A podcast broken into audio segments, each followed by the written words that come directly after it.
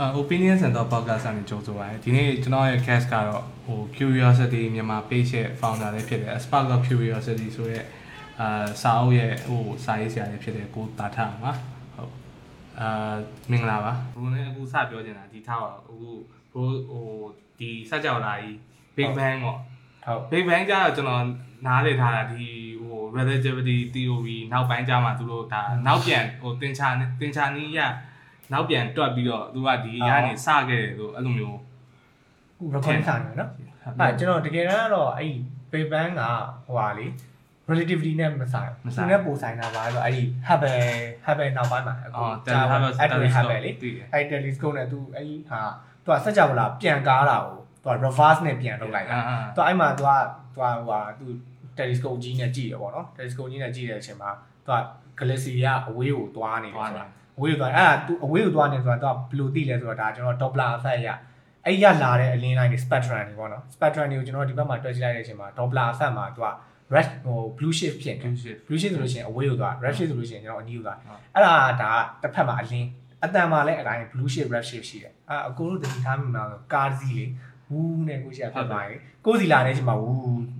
ဒါပေမဲ့ကိုယ်စီအဝေးကိုရောက်တော့ဦးဆိုပြီးတော့အတန်ပြောင်းသွားတာလေဟုတ်တယ်အဲ့လိုပဲဒီ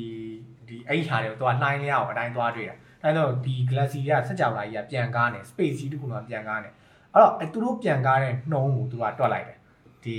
ခုအချိန်နေနဲ့သူဘယ်လောက်နီနှုံးနဲ့ပြန်ကားလဲတော့တွက်လိုက်တယ်အဲ့ဒါနောက်ဒါ park set တွေပါတယ်အရန်ပါတယ် mathematics အရန်ဆန်ဟုတ်ပါတယ်အဲ့ဒါတော့မသိတော့ပြန်ကျွန်လာတော်လည်းမသိဘူးအဲ့အဲ့ဒါကိုကျွန်တော်သိရတယ်သဘောတရားကြီးပဲအဲ့ဒါကိုသိရအခုကျွန်တော်တို့ကတွေ့တာသူတို့ observation ကဒီဘက်ကိုပြန်ကားတာကိုတွေ့တာအဲ့တော့သူကအဲ့နှုံးလိုက်ဒီဘက်ကို အနောက်ကိုပြန်ချုံလိုက်တဲ့အချိန်မှာလွန်ခဲ့တဲ့13.8 billion year လောက်မှာ singularity မှာသွားဆုံတယ်အဲဟုတ်ပြီအဲ့တော့ကျွန်တော်သိချင်တာအဲ့ time time ဆိုတဲ့ concept က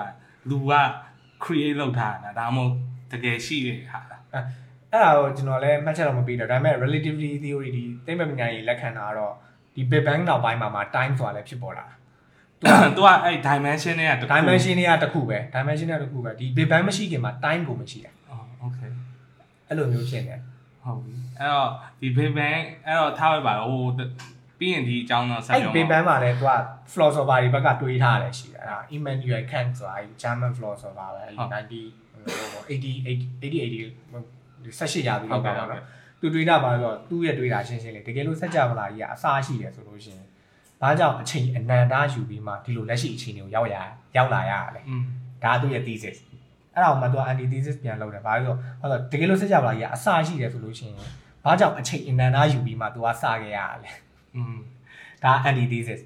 ဒါပေမဲ့အဲ့ဒါကဒါ philosopher အမြင်ဒါပေမဲ့ဒီဘက်ကသိပ္ပံပညာရှင်တွေတွေးတာကြတော့သူ့ရဲ့ anti thesis ကထိတ်ကိုစဉ်းစားကြမလို့တော့ဘာကြောင့်အချိန်ဆိုတာကိုယ်တိုင်းက မရှိ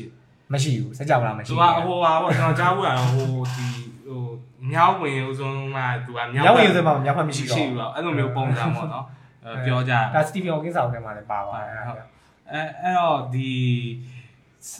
ထားပါတော့အဲ physics ကကျွန်တော်တို့ဒီဒီဆက်ကြော်ပါကြီးရဲ့တက်တန်းဆိုရယ်ခုနပြောတဲ့အချိန်ကတော့ဒီ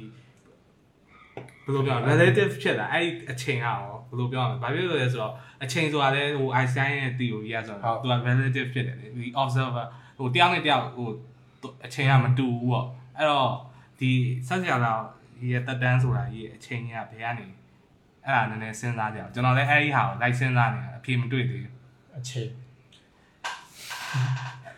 ဟိုကဒီအားကဘယ်လိုပြလဲဒီခုနကအခုပြောရတယ် time က relative ဖြစ်တယ်ဆိုတာ तू ကအချက်နှစ်ချက်ပုံမှာမူတည်ရဒီ Einstein relativity မှာလေအဲ relativity ဒီရိုးရိုးဒီ gen ဟိုပထမဆုံးထွက်ခဲ့တာ1905မှာထွက်ခဲ့တာ special special relativity အဲ special မှာကျတော့ तू ကပြောထားတာ तू က speed များလေလေဟုတ်မှာ speed speed ဟိုဟာ များလာလေလေအချိန်အချိန်ကတူတွက်နေလာလေပြီးတော့နောက်နောက်10နှစ်ကြာ1955မှာထွက်တဲ့ general relative ဒီမှာကျတော့သူက mass နဲ့ပါသူကအချိန်ကိုသွားပြီးတော့သူကချိန်လိုက်တာအော် okay အဲ mass နဲ့ mass နဲ့ချိန်တော့သူကတခါတည်းပဲသူက mass များရင်သူကစွမ်းအင်ကပိုကြီးရတယ်ဒါ gravity gravitational theory ကအဲ့တော့စွမ်းအင်ကကြီးတဲ့ဟာနာမှာသူကအချိန်ကနှီးသွားပြောင်း black hole ဥမာ black hole လာပါအဲ့ဒါဒါအပြင်မှာလည်းတကယ်လက်တွေ့ဆန်းထားတယ်ဘာလဲဆိုတော့ဒီရေတိုင်ကြီးလေကျွန်တော်တို့ ဒီကဘာကြီးပုံမှာကဘာကြီးကအလုံးကြီးဗျ။ရေတိုင်ကြီးအတိုင်ရှိရဲ့။ဒီအပေါ်နဲ့အောက်နဲ့မှာသူက atomic clock လေးရှိရဲ့။ atomic clock ဆိုတာကျွန်တော်တို့တောင်မသိနာသူကတစ်စက္ကန့်ရဲ့လိုအပုံတန်းပုံတပုံအားစားသူက sense လေးဖြစ်တယ်။အဲဟိုလေမြန်နေနဲ့လည်းပြန်ပြန်လေမြန်နဲ့လည်း GPS တွေပါဒီမှာလည်းအတိုင်းပဲသုံးတာပဲနော်။အဲ့မှာအဲ့လိုတွက်ကြည့်တဲ့အချိန်မှာအပေါ်ကကောင်ကအောက်ကကောင်ကပူပြီးတော့နှီးနေတဲ့အချိန်ကဒါဒါဘလိုပဲပြောချင်တာဟိုပေပေါင်းမီတာပေါင်းဆိုရာခဏလောက်ပဲရှိတာဗျ။100လောက်ပဲရှိတာ။ အဲ့မှာတော့မှအောက်ကသူက mass နဲ့ပူနီးတော့သူကစွမ်းရည်ပူကြီးတော့အဲ့ဒါမှအချိန်နှီးနေဒါပေမဲ့ခုကျွန်တော်သိတဲ့13.8 billion year ဆိုတာကျတော့ခုန relativity အချိန်ကြီးနဲ့ဘာမှမဆိုင်မဆိုင်သူက rats အော်ဟုတ်ပြီဟိုရွေရှားမှုသူ့မှာနှိုင်းရရွေရှားမှုမရှိတဲ့မရှိ rest rest rest ဖြစ်နေတဲ့ rest time ဟာပေါ်မှာ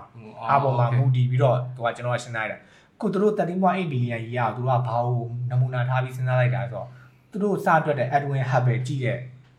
အချိန် အချိန်အော် Edwin Hubble ကသူကကဘာနဲ့ရှင်သူက rest အာအာကဘာနဲ့ရှင်သူရဲ့ဟိုဟာ0ဗျာခုကျွန်တော်တို့ထိုင်နေလို့ပေါ့နော်ဟုတ်ကဲ့ဟိုမှာဒါပေမဲ့ဟိုဒီ solar system နဲ့ရှင်လိုက်ရင်ကတော့ကဘာလှည့်တဲ့အနှုံတိုင်းဖြစ်သွားဒါပေမဲ့အဲ့ rest နဲ့စဉ်းစားတဲ့အချိန်မှာသူက13.8 billion ကြီးရဖြစ်သွားတာဟုတ်ကဲ့ အဲ့တော့ဒီဟိုပါပေါ့အခုသိရသလောက်တော့ဒီ universe ကပြန်ပြသူက expand ဖြစ်နေတာပေါ့နော်သူက accelerated expansion လို့အခုကပုံမြန်မြန်သူကနှေးသွားမယ်ထင်တာဒါပေမဲ့မနှေးသွားဘူးပေါ့အဲ့ဒါဟိုပုံမြန်တဲ့နှုံးနဲ့ပြန်ကားနေတယ်ပေါ့အဲ့လိုမျိုးอืมဟိုအဲ့ဒါလည်းဒါတွက်ချက်မှုရတွေ့ရ plan constant တွေပါလေကိုကျွန်တော်ရေးတာဖတ်ဟုတ်လို့တလားယ်တွေ့ရတွေ့ဒါအဲ့စက်ကြောလာပြန်ကားတော့သူက plan constant တွေပါနေတယ်သူကတွက်တာလေ ဒါပေမဲ့အဲ့စက်ကြောလာပြန်ကားလာမှာလေဒါပြန်ကားဖို့မောင်းနေနေတာဒါ dark energy လို့ဟုတ်တယ်ပြောကြတယ်အခုနော dark က်က energy လို့ပြောတာသူကသူကတခြား parallel universe ကဟို gravitational force လို့လည်းပြောတယ်ပေါ့နော်ဟုတ်ကဲ့အဲ့ဒါကြီးအဲ့ဒါကြီးပေါ်မှာကြာတော့ဘလို့အဲ့ဒီ dark energy ဆိုတာလည်းဒါတကယ်တမ်းကျဟိုစိတ်ဝင်စားဖို့ကောင်းတယ်ကျွန်တော်လည်းကြားစားတော့ dark energy ဆိုတာစွန့်ရင်မေးပေါ့တကယ်တော့မဟုတ်ဘူးဒါဘာမှမသိလို့ဟုတ်တယ်ဘာမှမသိလို့တကယ်တမ်းကသဘောရလို့ရှိရင်ကိုဘောလုံးလုံးလေးပေါ်မြောက်လိုက် ချိန်တန်ရင်ဟိုသူတက်သွားတယ်ချိန်တန်ရင်ပြန်ကြကြတာစကြဝဠာကြီးကလည်းပုံမှန်ရဆိုလို့ရှိရင် तू ကဘလို့ဖြစ်ရမှာနေဝမှာနေဝသူကသူ့ရဲ့ပြန်ကားတော့ကွာပူပူမြန်နေကိုကကိုဘောလုံးလုံးကိုလက်ထက်ကနေပြီးတော့ညှစ်လိုက်ကိုလက်ထက်ကထွက်တဲ့အချိန်ထက်တော့ဖြည်းဖြည်းချင်းနှီးသွားတာပဲဟုတ်တယ်အပေါ်တက်သမျှလေးပြီးရင်0ဖြစ်သွားတဲ့အချိန်မှာသူကပြန်ကြတာဟုတ်တယ်စကြဝဠာအခုလိုမျိုးလုံးဝမရှိဘူးဟောသူ့ကိုမောင်းနေနေတဲ့အားတစ်ခုရှိတယ်ဆိုပြီးသိလို့ရချင်တယ်အဲ့ဒါကို tag analysis ဆိုပြီးပေးလိုက်ပေးလိုက်ဒါပဲဒါပဲဟုတ်ကဲ့အဲ့တော့ ဟိုဒီနောက်ပိုင်းပေါ့ဟိုအခုကျွန်တော်တို့ဟိုခုနကတော့မေးနေတာဘိုးကဒီအစိုးရအကြောင်းပဲပေါ့နော်ကျွန်တော်ပြောရရင်အစိုးရအကြောင်းပဲတက်ခဲ့ဆိုတော့အဲ့ဒီမှာတော့ဒီကျွန်တော်တို့ဟိုအဲ့လိုမျိုး bro တို့လိုဒီလိုမျိုးသိပ္ပံပညာသိပ္ပံအကြောင်းဟိုစိတ်ဝင်စားအောင်ဟိုမတင်နိုင်ဘူးလို့ကျွန်တော်အဲ့မြင်တယ်ပေါ့နော်အဲ့ဒီပုံမှာဘယ်လိုမျိုးဟိုအဲ့တော့ဘယ်လိုမျိုး improve လုပ်တင်တယ်ပေါ့ဟို pro လို့လုပ်နေရတော့ ဒီအပြင်ကနေလုပ်နေရတော့ဒီ education system ပေါ်မှာဘယ်လိုမြင်လဲဒီလိုစံဒါကျွန်တော်ဟို education ပုံမှာလဲကျွန်တော်အနေနဲ့အခုတည်းကအရင်ကြီးဝင်ပိုင်ဝင်တော့မရှိဘူးဗျာကိုယ်တိုင်လည်းဆရာလို့ခုလားဟုတ်ကျွန်တော်တို့ကဒါဒီတိုင်းစကားပြောနေကျွန်တော်အမြင်ပေါ့နော်ကျွန်တော်အမြင်ကျွန်တော်တို့ဒီစွမ်းအင်ဆိုတာကိုကျွန်တော်တို့ဘာလဲ6တန်းမှလားမသိဘူး6တန်းလား9တန်းလားကျွန်တော်မှတ်မှတ်ပြီးတော့အကိုလည်းဒါကျွန်တော်ပညာရေးစနစ်တစ်ခုလည်းပဲအားဟုလုံးတ်တယ်ပေါ့နော်ဟုတ်တယ်အဲအဲ့မှာစပြီးတော့သင်ခံရတော့ဘာလဲဆိုတော့ အဲ့မှာတန်ပတ်ပေးတယ်ကျွန်တော်တို့အဲ့တိတ်မှန်စာအုပ်ထဲမှာပါတယ်ဗျာဟုတ်ကဲ့ဒီဟာလေးကိုတန်ပတ်ပေးလိုက်တယ်တန်ပတ်ပေးလိုက်တော့ခွေးရုပ်ကြီးကလှုပ်သွားတယ်ဟုတ်ကဲ့အဲ့တိုင်းပြောတယ်အဲ့တိုင်းပြောတော့ဆီယာမကဒါပဲရှင်းပြတယ်ကျွန်တော်အဲ့ဆီယာမနာမည်မှတ်မိပါပြီထားပါအောင်ဟုတ်ကဲ့ဟောဖုန်းကဘာကြောင့်ရေးတာလဲဆိုပြီးတော့ကလေးတချို့ကကျွန်တော်မေးတာမဟုတ်တော့ဟောကျွန်တော်ထပ်ပူပြီးတော့သိချင်စိတ်ရှိတဲ့လူတွေရှိတယ်တခြားပါလေသူတို့ခုချိန်ဘယ်နေရာဘယ်ရောက်နေမှန်းတော့မသိဘူးဟုတ်ကဲ့သူကပြောတော့စွန့်ရင်ကြောင်ရေးတာတဲ့တော့6တန်းကလေးကို6တန်းဆိုတာမြန်မာပြည်6တန်းဆိုတာ17နှစ်17နှစ်ပေါ့ဟုတ်နော်ကဲ့ အဲ့ကလေးကိုစွန့်ရင်ကြောင်ရေးတယ်လို့ပြောလိုက်တာဘာနဲ့သွားတူလဲကိုတစေကြောင်ယူလိုက်တယ်လေလို့ပြောလာတယ်အတူပဲစွန့်ရင်ဆိုတဲ့ဟာကြီးကိုကျွန်တော်ကနားမနားလည်မယ်အဲ့ concept ကိုအဲ့ concept ကိုမသိဘူးမျိုးတဘာဝတဘာဝလုံးတစ်ခုခုကြောင်ရွေးလိုက်တာလို့ပြောလိုက်တာ ਨੇ အတူတူပဲဟုတ်အတူတူပဲအခေါ်ပဲကိုယ်တယ်ပြင်မှာဟုတ်ကဲ့အဲ့အဲ့တကယ်တမ်းဖြစ်တင်တာဒီပညာရေးတွေမှာပေါ့နော်ခုနဟာလို့ဆိုလို့ရှိရင်ကျွန်တော်ဒါတကယ်လို့အဲ့လိုမျိုးဆရာပညာဖြစ်ခဲ့မယ်လို့ရှိရင်ကျွန်တော်ကိုယ်တိုင်လည်းသိချင်တယ်အဲ့တော့ဒီဒီခွေးရုပ်ကလေးတံပတ်ရုပ်ကလေးကိုဝယ်လိုက်ဗျာဘယ်လောက်ဟိုဝယ်နိုင်ပေါ့နော် ဝယ်ပြီးရင်ဖြုတ်ပြပြီးရင်တံပတ်လေးကလဲသွားတယ်ပြီးတော့ spring လေးကကျုံသွားတယ်ပြီးအဲ့ spring ရဲ့ mechanical တွန်းအားကြောင့်မို့ဒီခွေးရဲ့ဒီလှုပ်တယ်ပေါ့ဘာရာအဲ့လိုမျိုးလှုပ်တယ်အဲ့လိုမျိုးပြလာပြအဲ့ဒါကိုမောင်းနေတာမှာဘာကြောင့်လဲစွန့်ရင်ဒါပေမဲ့စွန့်ရင်လို့ပြောရင်လည်းမပြီးကြအောင်အဲ့နောက်ပိုင်းမှာစွန့်ရင်ဆိုတာအများကြီးရှိရှိတယ်အဲ့အဲ့အဲ့ဒါဒါအဲ့တော့ဒီအဲ့ energy ပေါ့နော်ဒီ energy ဆိုတဲ့ဟာကိုပြောရင်းနဲ့ကျွန်တော်တခုမေးချင်တာဒီ force တွေပေါ့ဒီဟို force of nature ၄မျိုး၄မျိုးရှိရပေါ့အဲ့ဒီ၄မျိုးထဲမှာအဲ့ဒီဟာလေးနည်းနည်းရှင်းပြပါကျွန်တော်တိတ်နားမလဲတာဒီအဲ weak nuclear force and strong nuclear force อ่ะဟောလို့ဟုတ်ကဲ့အဲ့ဒါဘယ်လိုလဲဆိုတော့ဟာကျွန်တော်ကျွန်တော်အားအပျော်သွားနေစပြောမယ်ဗျာအားပျော်သွားတော့ဒါ gravitation နဲ့ဟုတ်ကဲ့ gravitation အကိုနဲ့ကြားထဲမှာလည်းကျွန်တော်တို့ဒါစွမ်းငင်ရရှိတရှိယ်တယ်ဒါပေမဲ့ကျွန်တော်ကပူပြီးကပ်မသွားဘူးဟုတ်ကဲ့ဟုတ်လားဒါသိတယ်သူကဒါ mass အားပျော်ရှိရလို့င်တော့သူကအားပျော်လို့ကြားရဲ့ distance အောင်တော့အောက်ကဟို square နဲ့ ခြားတာနဲ့ဟုတ်ကဲ့ proportion နဲ့ဖြစ်တဲ့ကိုလိုကြားကဟုတ်ကဲ့ဒီအကွာဝေးကိုလေဟုတ်ကဲ့ဒါပေမဲ့ ESC ကြတော့အဲ့ထက်ပိုပြင်းသွားပြီ ESC ကြတော့လည်း electromagnetic ဖြစ်သွားပြီဟုတ်ကဲ့အဲ့ဒါ ESC တန်လိုက်သူသူကကကြတော့ဒါတန်လိုက်ကလည်းဒီတိုင်းထားလိုက်ရင်ဘူးဆိုဘူးပူဟိုသွားအဲ့ထက်ပိုပြီးတော့အပြင်းတာ weak nuclear force weak nuclear force ကကြတော့ဗာလဲဆိုတော့ကျွန်တော်ဒီ electron decay ရင်ဒီ atom တွေပါတွေ decay ဖြစ်တာဟုတ်ကဲ့ decay ဖြစ်တာဒီဟိုကျွန်တော် radioactive material ဟုတ်ဗျာကဲ့ဟုတ်ကဲ့အဲ့ဒါတွေ ဒီအော်ကျွန်တော်တို့ဒီသုံးနေတဲ့ပစ္စည်းတော်တော်များများမှာဒီ chemical အခန်းထဲမှာတွေ့ရတတ်တယ်သူကဟုတ်ကဲ့ decay ဖြစ်တာဒီကေဖြစ်တယ်အဲ့ဒါမှအဲ့မှာ strong media နောက်ဆုံးအားပြင်းသွားပါလဲဆိုတော့ဒီကျဲဒီ nuclear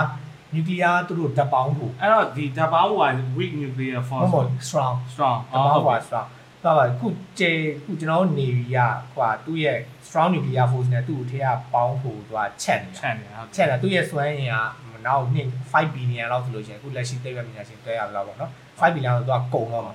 ကုန်ပြီလို့ရှိရင်သူကသူ supernova ဖြစ်ပြီးပေါက်သွားလိမ့်မယ်ပေါက်သွားပြီဆိုလို့ရှိရင်ကျွန်တော်တို့ကဘာပါသူ့ရဲ့ area ရလူကြီးဖြစ်လာမှာကဘာဝါဝါမျိုးသွားမှာဟုတ်ကဲ့အဲအဲ့အဲ့ဆိုကျွန်တော်ဟိုဒီစမ်းတာအခုဟို solar system ရဲ့နေက black hole ဖြစ်နိုင်မဖြစ်နိုင်မဘူးဖြစ်တာသူ့ရဲ့ mass ကအဲ့ဒါပါအဲ့ဒါဟိုဟာရှိတယ်ခဏလေးကျွန်တော်မေ့နေ စီနေတာ Indian Indian ဟိုဟာဟိုဟာတယောက်ရဲ့ဟာပဲဟို limit ရှိတယ်အော်ဟုတ်ကဲ့ဒီကျွန်တော်တို့ sun ရဲ့2.4 mass ထက်ကျော်ပြီလို့ရှိရင်သူက black ဟိုဟာ black hole ဖြစ်နိုင်တယ်ဖြစ်နိုင်တယ်ဒီကျွန်တော်တို့ sun ကျွန်တော်တို့ sun ကဒါ UD လို့ neutron ပါစာပေါ့နော်ပါစာ neutron လောက်ပဲဖြစ်သွားမှာတယ်ဒီရဲ့အရွယ်စားရန်ကုန်မြို့အရွယ်စားလောက်ပဲဒီကြုံလဲကြုံသွားနိုင်တယ်ဒါပေမဲ့သူ့မှာ strong ဒီ magnetic field ရှိနေမှာသူများမှာအရန်လိမ်နေမှာခုကျွန်တော်တို့တွေ့နေတဲ့ပါစာတွေလိုမျိုးပေါ့နော်အဲ့လိုမျိုးဖြစ်သွားမယ် ဒါပေမဲ့0.8ထက်ဟိုဖြစ်ရင်ကတော့သူကလုံးဝဒီ white dwarf white white dwarf ကျေဖြူကျေကျေဟုတ်ကဲ့ကျေဖြူဘူးဖြစ်သွားတာသူကဘာမှလည်းဆိုရင် mass လဲကျေရဲမှာဆိုသူကအသေးဆုံးအဲ့လိုမျိုးဖြစ်သွားမှာဟုတ်ကဲ့ဒီဒီစမ်းကြီးဘာကြောင့်ဒီဟိုဟာတေကန်ဒီမှာပွာလာမလဲဆိုတော့ကိုသိလားအဲ့ဒါမသိသိရအဲဘာကြောင့်လဲဆိုတော့သူကဒီလိုပဲဗျာကိုခုနက relative ကပြောပြီးသား mass ရှိရင်စွမ်းရည်ရရှိတယ်တစ်ချိန်တည်းမှာပဲကျွန်တော်တို့ကအပူစွမ်းရည်သူက nuclear fusion နဲ့သူ့ရဲ့ကောမှာအပူစွမ်းရည်နဲ့အလုပ်လုပ်နေဟုတ် အဲ fusion တွေလုပ်နေတော့သူကအပြင်ကိုပွားထွက်နေပြန်အောင်အဲဘာနဲ့တူလဲတော့ကို rubber ball လုံးမှုတ် rubber ball လုံးမှုတ်ပြီလို့ရှိရင် rubber ball လုံးရဲ့ rubber tension ကြီးကအထဲကိုဝင်ခြင်းတယ်ဟုတ်တယ်ဟုတ်တယ်ဟုတ်တယ်ဟုတ်တယ်ဟုတ်တယ်ဒါပေမဲ့အထဲကဒီလေရဲ့ဟာအပြင်ကိုပြန်ခံထားတယ်ခံထားတယ်အဲ့တော့သူကအဲ့ equilibrium မှာ wow rubber ball လုံးကဖြစ်နေတယ်အော်ကျွန်တော်တို့ရဲ့ sense ဆိုတာလည်းအဲ့ဒါပဲခုတစ်ချိန်ညလို့ရှိရင်သူကအထဲမှာလောင်စာကုန်လာကုန်သွားလောင်စာကုန်လာသူက mass ကနဲလာ mass ကနဲလာတော့ဟို အပြင်ကိုပွာလာမှာလေအော်ဟုတ်တယ်သူ့ပြန်ပြီးတော့မဆန်နေတာသူ့ပြန်ပြီးတော့ဆွဲတာမရှိတော့ရှိတော့အပြင်ကိုပွာလာပွာလာပြီးတော့မှအဲ့ဒီလုံးဝနောက်ဆုံးပွာဖို့တဲ့သူ့မှာ nuclear fusion ဒီ reaction တွေမရှိတော့ဆိုမှဝုန်းနဲ့ပြန်ကြုံသွားအောင်အာအဲအဲ့လိုမျိုးသူအဲ့လိုပွာတဲ့အချိန်ကဘာတိရောက်တယ်အော်ဟုတ်အဲဒါသူအိမ်မမညာချင်းတွေတွက်ချက်ရသလားပေါ့နော်အဲအဲ့တော့ဟိုဟာပေါ့ခုနပြောတဲ့ relatively ပေါ့အဲ့ဒီဟာနည်းနည်းလေးအသေးစိတ်လေးနည်းနည်းတော့သွားလိုက်မယ်ဟိုဘယ်လိုပြောရလဲစစချင်းဒီ special relativity ပေါ့ relativity ကပြောမယ်ဆိုဒါကျွန်တော်လည်းဒါဟိုအသေးစိတ်မသိဘူးညာဒီမှာလုံးဝ physics physicist လည်းမဟုတ်ဘူး ကျွန်တော်လည်းမဟုတ်ကျွန်တော်ဒီတိုင်းနဲ့ဒါ ဒါမဲ့ ဟိုနဲ့ဟိုဟာဖြစ်တယ်ကျွန်တော်တိတက်တော့အရင်နည်းနည်းပြောကြည့်လိုက် ပြောကြည့်လိုက် relativity ဆိုတာတော့ तू ကဟိုခုနပြောတော့ပေါ့ဟိုဟိုဟိုအချိန်ကအစဟို तू ကကြည့်ထားပါဟိုပေးနေကြ example အရဆိုတော့ तू ကဒီသွားနေတဲ့ယထာပေါ်မှာမီမီဟို ဟိုဟာပေါ့အဲ့လိုလုပ်တဲ့ဟာပေါ့ကျွန်တော်အဲ့ experiment တော့ရှိတယ် तू တော့ experiment အဲ့ तू ဘယ်လိုခေါ်လဲဒီ speed ညံ့ညံ့နဲ့သွားတဲ့လူရဲ့အဲ clock ကနှေးပြီးတော့ဟိုကဘာပေါ်မှာကြံခဲ့တဲ့လူရဲ့ clock ကပုံမှန်ပဲပေါ့မြန်နေမယ်ပေါ့အဲ့လိုမျိုးပေါ့သူကအဲ့တော့ဟို time travel ဆိုရင်တော့ဟိုအရှိကိုသွားလို့ရမှာပေါ့အနောက်ကိုတော့ပြန်သွားလို့ပြန်သွားလို့မရဘူးပေါ့အဲ့လိုမျိုးတွေပေါ့ဟိုပြီးတော့ဒီဒီ relativity ရဲ့အကျိုးဆက်ဆောင်ဒီ e equal to NMCC square ပေါ့နော်အဲ့အားတွေလည်းဟိုတွေ့ရပေါ့ဒီအဲ့တော့ဒီ relativity ဆိုတော့အကြီးတွေမှာသုံးတာများတယ်ပေါ့နော်ကျွန်တော်တို့နေ့ day to day မှာဘာဖြစ်ဆိုတော့ तू က gravity ဟိုရှင်းပြတဲ့ theory တစ်ခုပဲဆိုတော့ဟို day to day မှာတော့အဲ့လောက်ကြီးမတွေ့ရဘူး။အရင်သေးတဲ့အချိန်မှာ तू က break down ဖြစ်သွားပြန်အောင်။အာဟုတ်တယ်အဲ့ quantum တွေပြောင်းလာ။ another topic အဲ့ဒါဟိုအရင်ကြီးရဲ့ mass ကြီးရဲ့ object တွေအတွက်ဟိုတွတ်တွတ်တာတော့ပြီးရင်ဒီ everyday object တွေပေါ့နော်။ဟုတ်ကဲ့ဒါ။အာ အဲ့ relativity အကြောင်းပြောမယ်ဆိုလို့ရှိရင်ကျွန်တော်ကဒီဟိုကနေစပြောမှာ Newton Newtonian physics ကစပြောမှာ Newtonian physics ကသူကဒါတော့အားလုံးသိပါတယ်ပန်းသီးပြုတ်ကြလို့သူပါဖြစ်နေတာဒါတော့ဟိုယုံတန်းနဲ့ဖြစ်ရင်ဖြစ်မယ်တကယ်လည်းဖြစ်ရင်ဖြစ်မယ်ဒါပေမဲ့သူ့အနေနဲ့ကတော့ဒီပြုတ်ကြတဲ့ပစ္စည်းတစ်ခုကိုမြင်ပြီးတော့သူအတွေးပေါ်ပါအဖြစ်ဖြစ်မယ်သူတွေးတာပါဆိုတော့ပန်းကြီးကပြုတ်ကြတယ်အဲ့ဒါဆိုလို့ရှိရင်ဒီလာလာကြီးကလည်းကဘာလာကြီးကကဘာပေါ်မှာတော့ပြုံးမကြပြုတ်ကြလာရတယ်ပေါ့ အဟိုးရင်တုန်းကကြတော့လူတွေကအဲ့ဒီလာတွေပါတွေကိုလည်းသူကချားတွက်ထားတာဒီကဘာကြီးကစန်တာပြားဒီမှာစကြဝဠာကြီးတစ်ခုလုံးရဲ့စန်တာ Aristotle ခေတ်ကလည်းပြီးတော့တိုလီမီခေတ်ကအတိုင်းပြောတာဒါပေမဲ့အဲ့သူ့ရဲ့ရှေ့မှာ revolution တစ်ခုပေါ်လိုက်တာနျူတန်အားကံကောင်းပါပါဆိုတော့ဒီ Copernicus တို့ Kepler တို့ဟုတ်ကဲ့ဂယ်လီလီယိုတို့ဟုတ်အဲဂျွန်နိုဘရူနိုတို့သူတို့ခေတ်သူတို့ခေတ်မှာကဘာဟိုလာကလည်းကဘာကိုပတ်တယ်ကဘာကနေဟုကိုတ်တယ်ပြန်ဒီပတ်တယ် solar system အမှန်အောင်သူတို့သူကအဲ့မှာသူကအဲ့ model ကိုသူကနျူတန်လက်ခံ telescope တွေပါဟို telescope တွေပါရှိလား အဲ့တော့အဲ့လိုပန်းသီးကကဘာပေါ်ပြုတ်ကြတယ်ဒါတော့ဒါလူတော်များတော့ပန်းသီးလို့ပဲပြောပြဒါလည်းကျွန်တော်ထင်သူ့ရဲ့အိမ်ရှိတယ်အခုချိန်ကြီးလေအင်္ဂလန်မှာရောက်ရင်သွားလဲလို့တောင်ရတယ်ဗျာသူ့ရဲ့အိမ်ပြီးမှလည်းပန်းသီးပင်တွေအများကြီးမို့လို့ပန်းသီးလို့ပြောအဲ့ခေတ်ကလည်းတခြားပင်လည်းဖြစ်ဖြစ်ဖြစ်ဖြစ်မှာမှာပေါ့ပေါ့နော်နော်ဒါတော့ပန်းသီးပြုတ်ကြလို့ဒါအဲ့ဒါကိုပန်းသီးကပြုတ်ကြတယ်အဲ့လာဘာကြောင့်ပြုတ်ကြရလဲအဲ့နောက်ပိုင်းမှာသူကဒီသူဒီ observation တွေပိုင်းနဲ့သူတွက်တယ် Newton က gravity ကို discover ဖြစ်ခဲ့တာမဟုတ်ဘူး gravity က gravity gravity ကဘယ်လို gravity နဲ့ဒီကျွန်တော်တို့ဒီကောင်ကျွန်တော်တို့ရဲ့ဒီ drag ဒီဟို drag to ပေါ့နော် mass နဲ့ဆက်သွယ်ချက်ကိုသူကရှာပေးခဲ့တာ gravity ဘာကြောင့်ဆွဲရလဲဆိုတာသူမသိဘူးသူသူမရှာခဲ့ဘူးဟုတ်တယ်ဟုတ်တယ်အဲ့မှာမှနောက်ပိုင်းဒီနောက်ပိုင်းမှာ Maxwell တို့ပါလို့ဒီကြားထဲမှာပေါ်သွားတယ် Maxwell တို့ Faraday တို့ပြီးတော့မှ Maxwell တို့ပါလို့ Faraday တို့ပြီးတော့နှစ်90လောက်ကြာတော့ Einstein ပေါ်လာတယ်အဲ့ချိန်ကျမှ Einstein ကြောင့်မှသူက gravity ဆိုတာ ဘာကြောင့်ဆွဲရလဲဆိုတာ Einstein ကစပြောတာအဲ့မှာ space time ကိုအားလုံးကိုတည်ဒီပြင်ကြီးပေါ်မှာလေဟုတ်တယ် mass ရှိလာတဲ့ပုံမှာဒါမျိုးဝဲအတွေ့တယ်အဲ့အဲ့လိုဝဲကြီးရအနေနဲ့လေ Einstein ကအဲ့ဒါကိုစစဉ်းစားတာ Newton က gravity အလုံးလုံးပုံ equation equation relationship ပေါ့နော် relation ကိုပဲသူကရှာပေးတာ connection ကိုပဲရှာပေးတယ်ဒါပေမဲ့ gravity ဘယ်လိုဘာကြောင့်အဲ့လိုလုံးလုံးလဲဆိုတာ Einstein Einstein လုပ်ပေးသွားတာဟုတ်ကဲ့ဒါပေမဲ့တစ်ဖက်မှာဘာရှိလဲဆိုတော့ဟိုဟာ Einstein ကဒီ relativity ကိုလည်းဘာကြောင့်ဒီလောက်ထိဖြစ်သွားလဲဆိုတော့သူက ရှေ့မှာ Maxwell ကဟိုဟာပြောထားတယ်ဟိုဥပမာဗျာအကူကအကူကမိုင်တရာနှုန်းနဲ့ကားမောင်းနေတယ်ဗျာထားပါတော့နော်ဟုတ်ကဲ့မိုင်တရာနှုန်းနဲ့ကားမောင်းနေအဲ့ဒီမှာမှာကိုကမိုင်130နှုန်းနဲ့ရှေ့ကိုဘောလုံးတစ်လုံးကိုယ့်ရဲ့လက်ကပဲအားတန်လို့ပြစ်လိုက်တယ်ပဲထားအဲ့လိုလို့ရှိရင်ဟိုဘောလုံးကကျွန်တော်တို့10 10ဆယ်10 10မိုင်နှုန်းနဲ့ပဲကျွန်တော်တို့ရှေ့ရွေးရမှာပြီးရင်ချိန်တန်ပြန်ရောက်လာမှာဟုတ်တယ်အဲ့လိုမဟုတ်ဘူးဟွာကြတော့အဲ့မှာ Maxwell ရဲ့ equation တွေရကြတာဘယ်လိုဖြစ်လဲဆိုတော့ကိုကမိုင်တရာနှုန်းနဲ့သွားနေတယ် မိုင်တရာနှုန်းနဲ့သွားနေတယ်အရှိမအလင်းကိုကိုဓာတ်မီထိုးလိုက်ဓာတ်မီထိုးလိုက်ပြီလို့ရှိရင်အလင်းကလည်းသူ့ရဲ့ပုံမှန်ဟွာဖြစ်တဲ့3ဟောတစ်စက္ကန့်ကိုမိုင်ပေါင်း3,8000 6000အဲ့မိုင်နှုန်းနဲ့ပဲသွားမှာအကူကဒီ3,8000ခွဲ3,8000ခွဲမိုင်နှုန်းနဲ့သွားလဲကိုကဓာတ်မီထိုးလိုက်ရင်အလင်းက3,8000 6000နှုန်းနဲ့ပဲသူကသွားနေတာသဘောပါအဲ့တော့ तू ကဟိုကျန်တဲ့ဟာနဲ့ logic ကလုံးဝမတူဘူးဖြစ်နေအဲ့တော့ Einstein ကအဲ့ဒါကို သွားပြီးတော့စဉ်းစားထပ်ပြီးတော့စဉ်းစားတာဘာကြောင့်လဲပေါ့ဘာကြောင့်ဘာကြောင့်လဲဆိုပြီးတော့အမှစဉ်းစားတော့အဲ့မာရင်ကိုသူက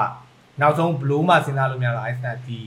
space time ကြီးတစ်ခုလုံးကိုသူက space ရဲ့ time ကြီးကိုသူက uniform လုပ်လိုက်တာဒီပြင်းကြီးတစ်ခုအနေနဲ့သူကကဒီအဲ့ဒါကို heliocentry လို့ခေါ်အဲ့ဒါအဲ့တိုင်းလုပ်လိုက်တယ်အဲ့တိုင်းလုပ်ပြီးတော့မှအဲ့ပုံမှာစဉ်းစားတာအလင်း time ကလည်းအဲ့ဒီပုံမှာအလင်းကွေးလိုပဲသူလည်းလိုက်ကွေးရတယ်